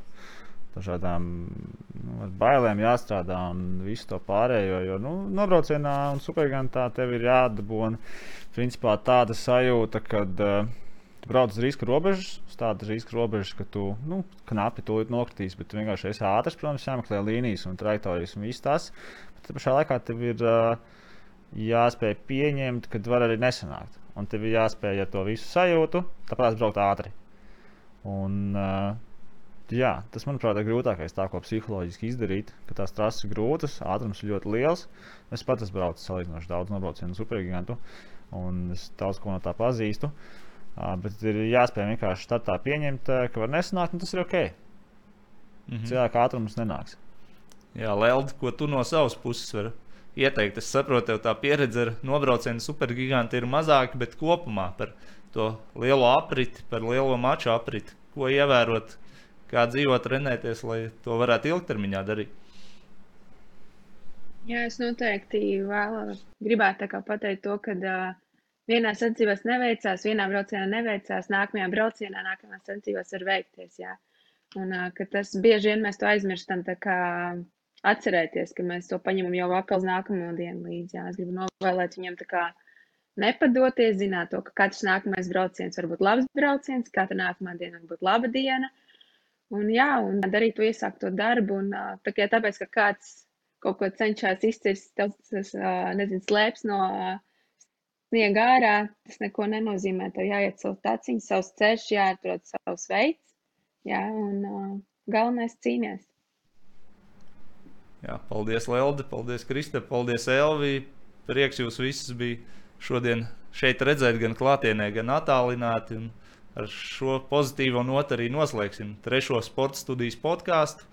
Bija prieks parunāt par kalnu slēpošanu, turpināsim tai sekot, turpināsim sekot pasaules čempionātam, un tad jau tiekamies arī kādā no nākamajiem sporta studijas podkāstiem.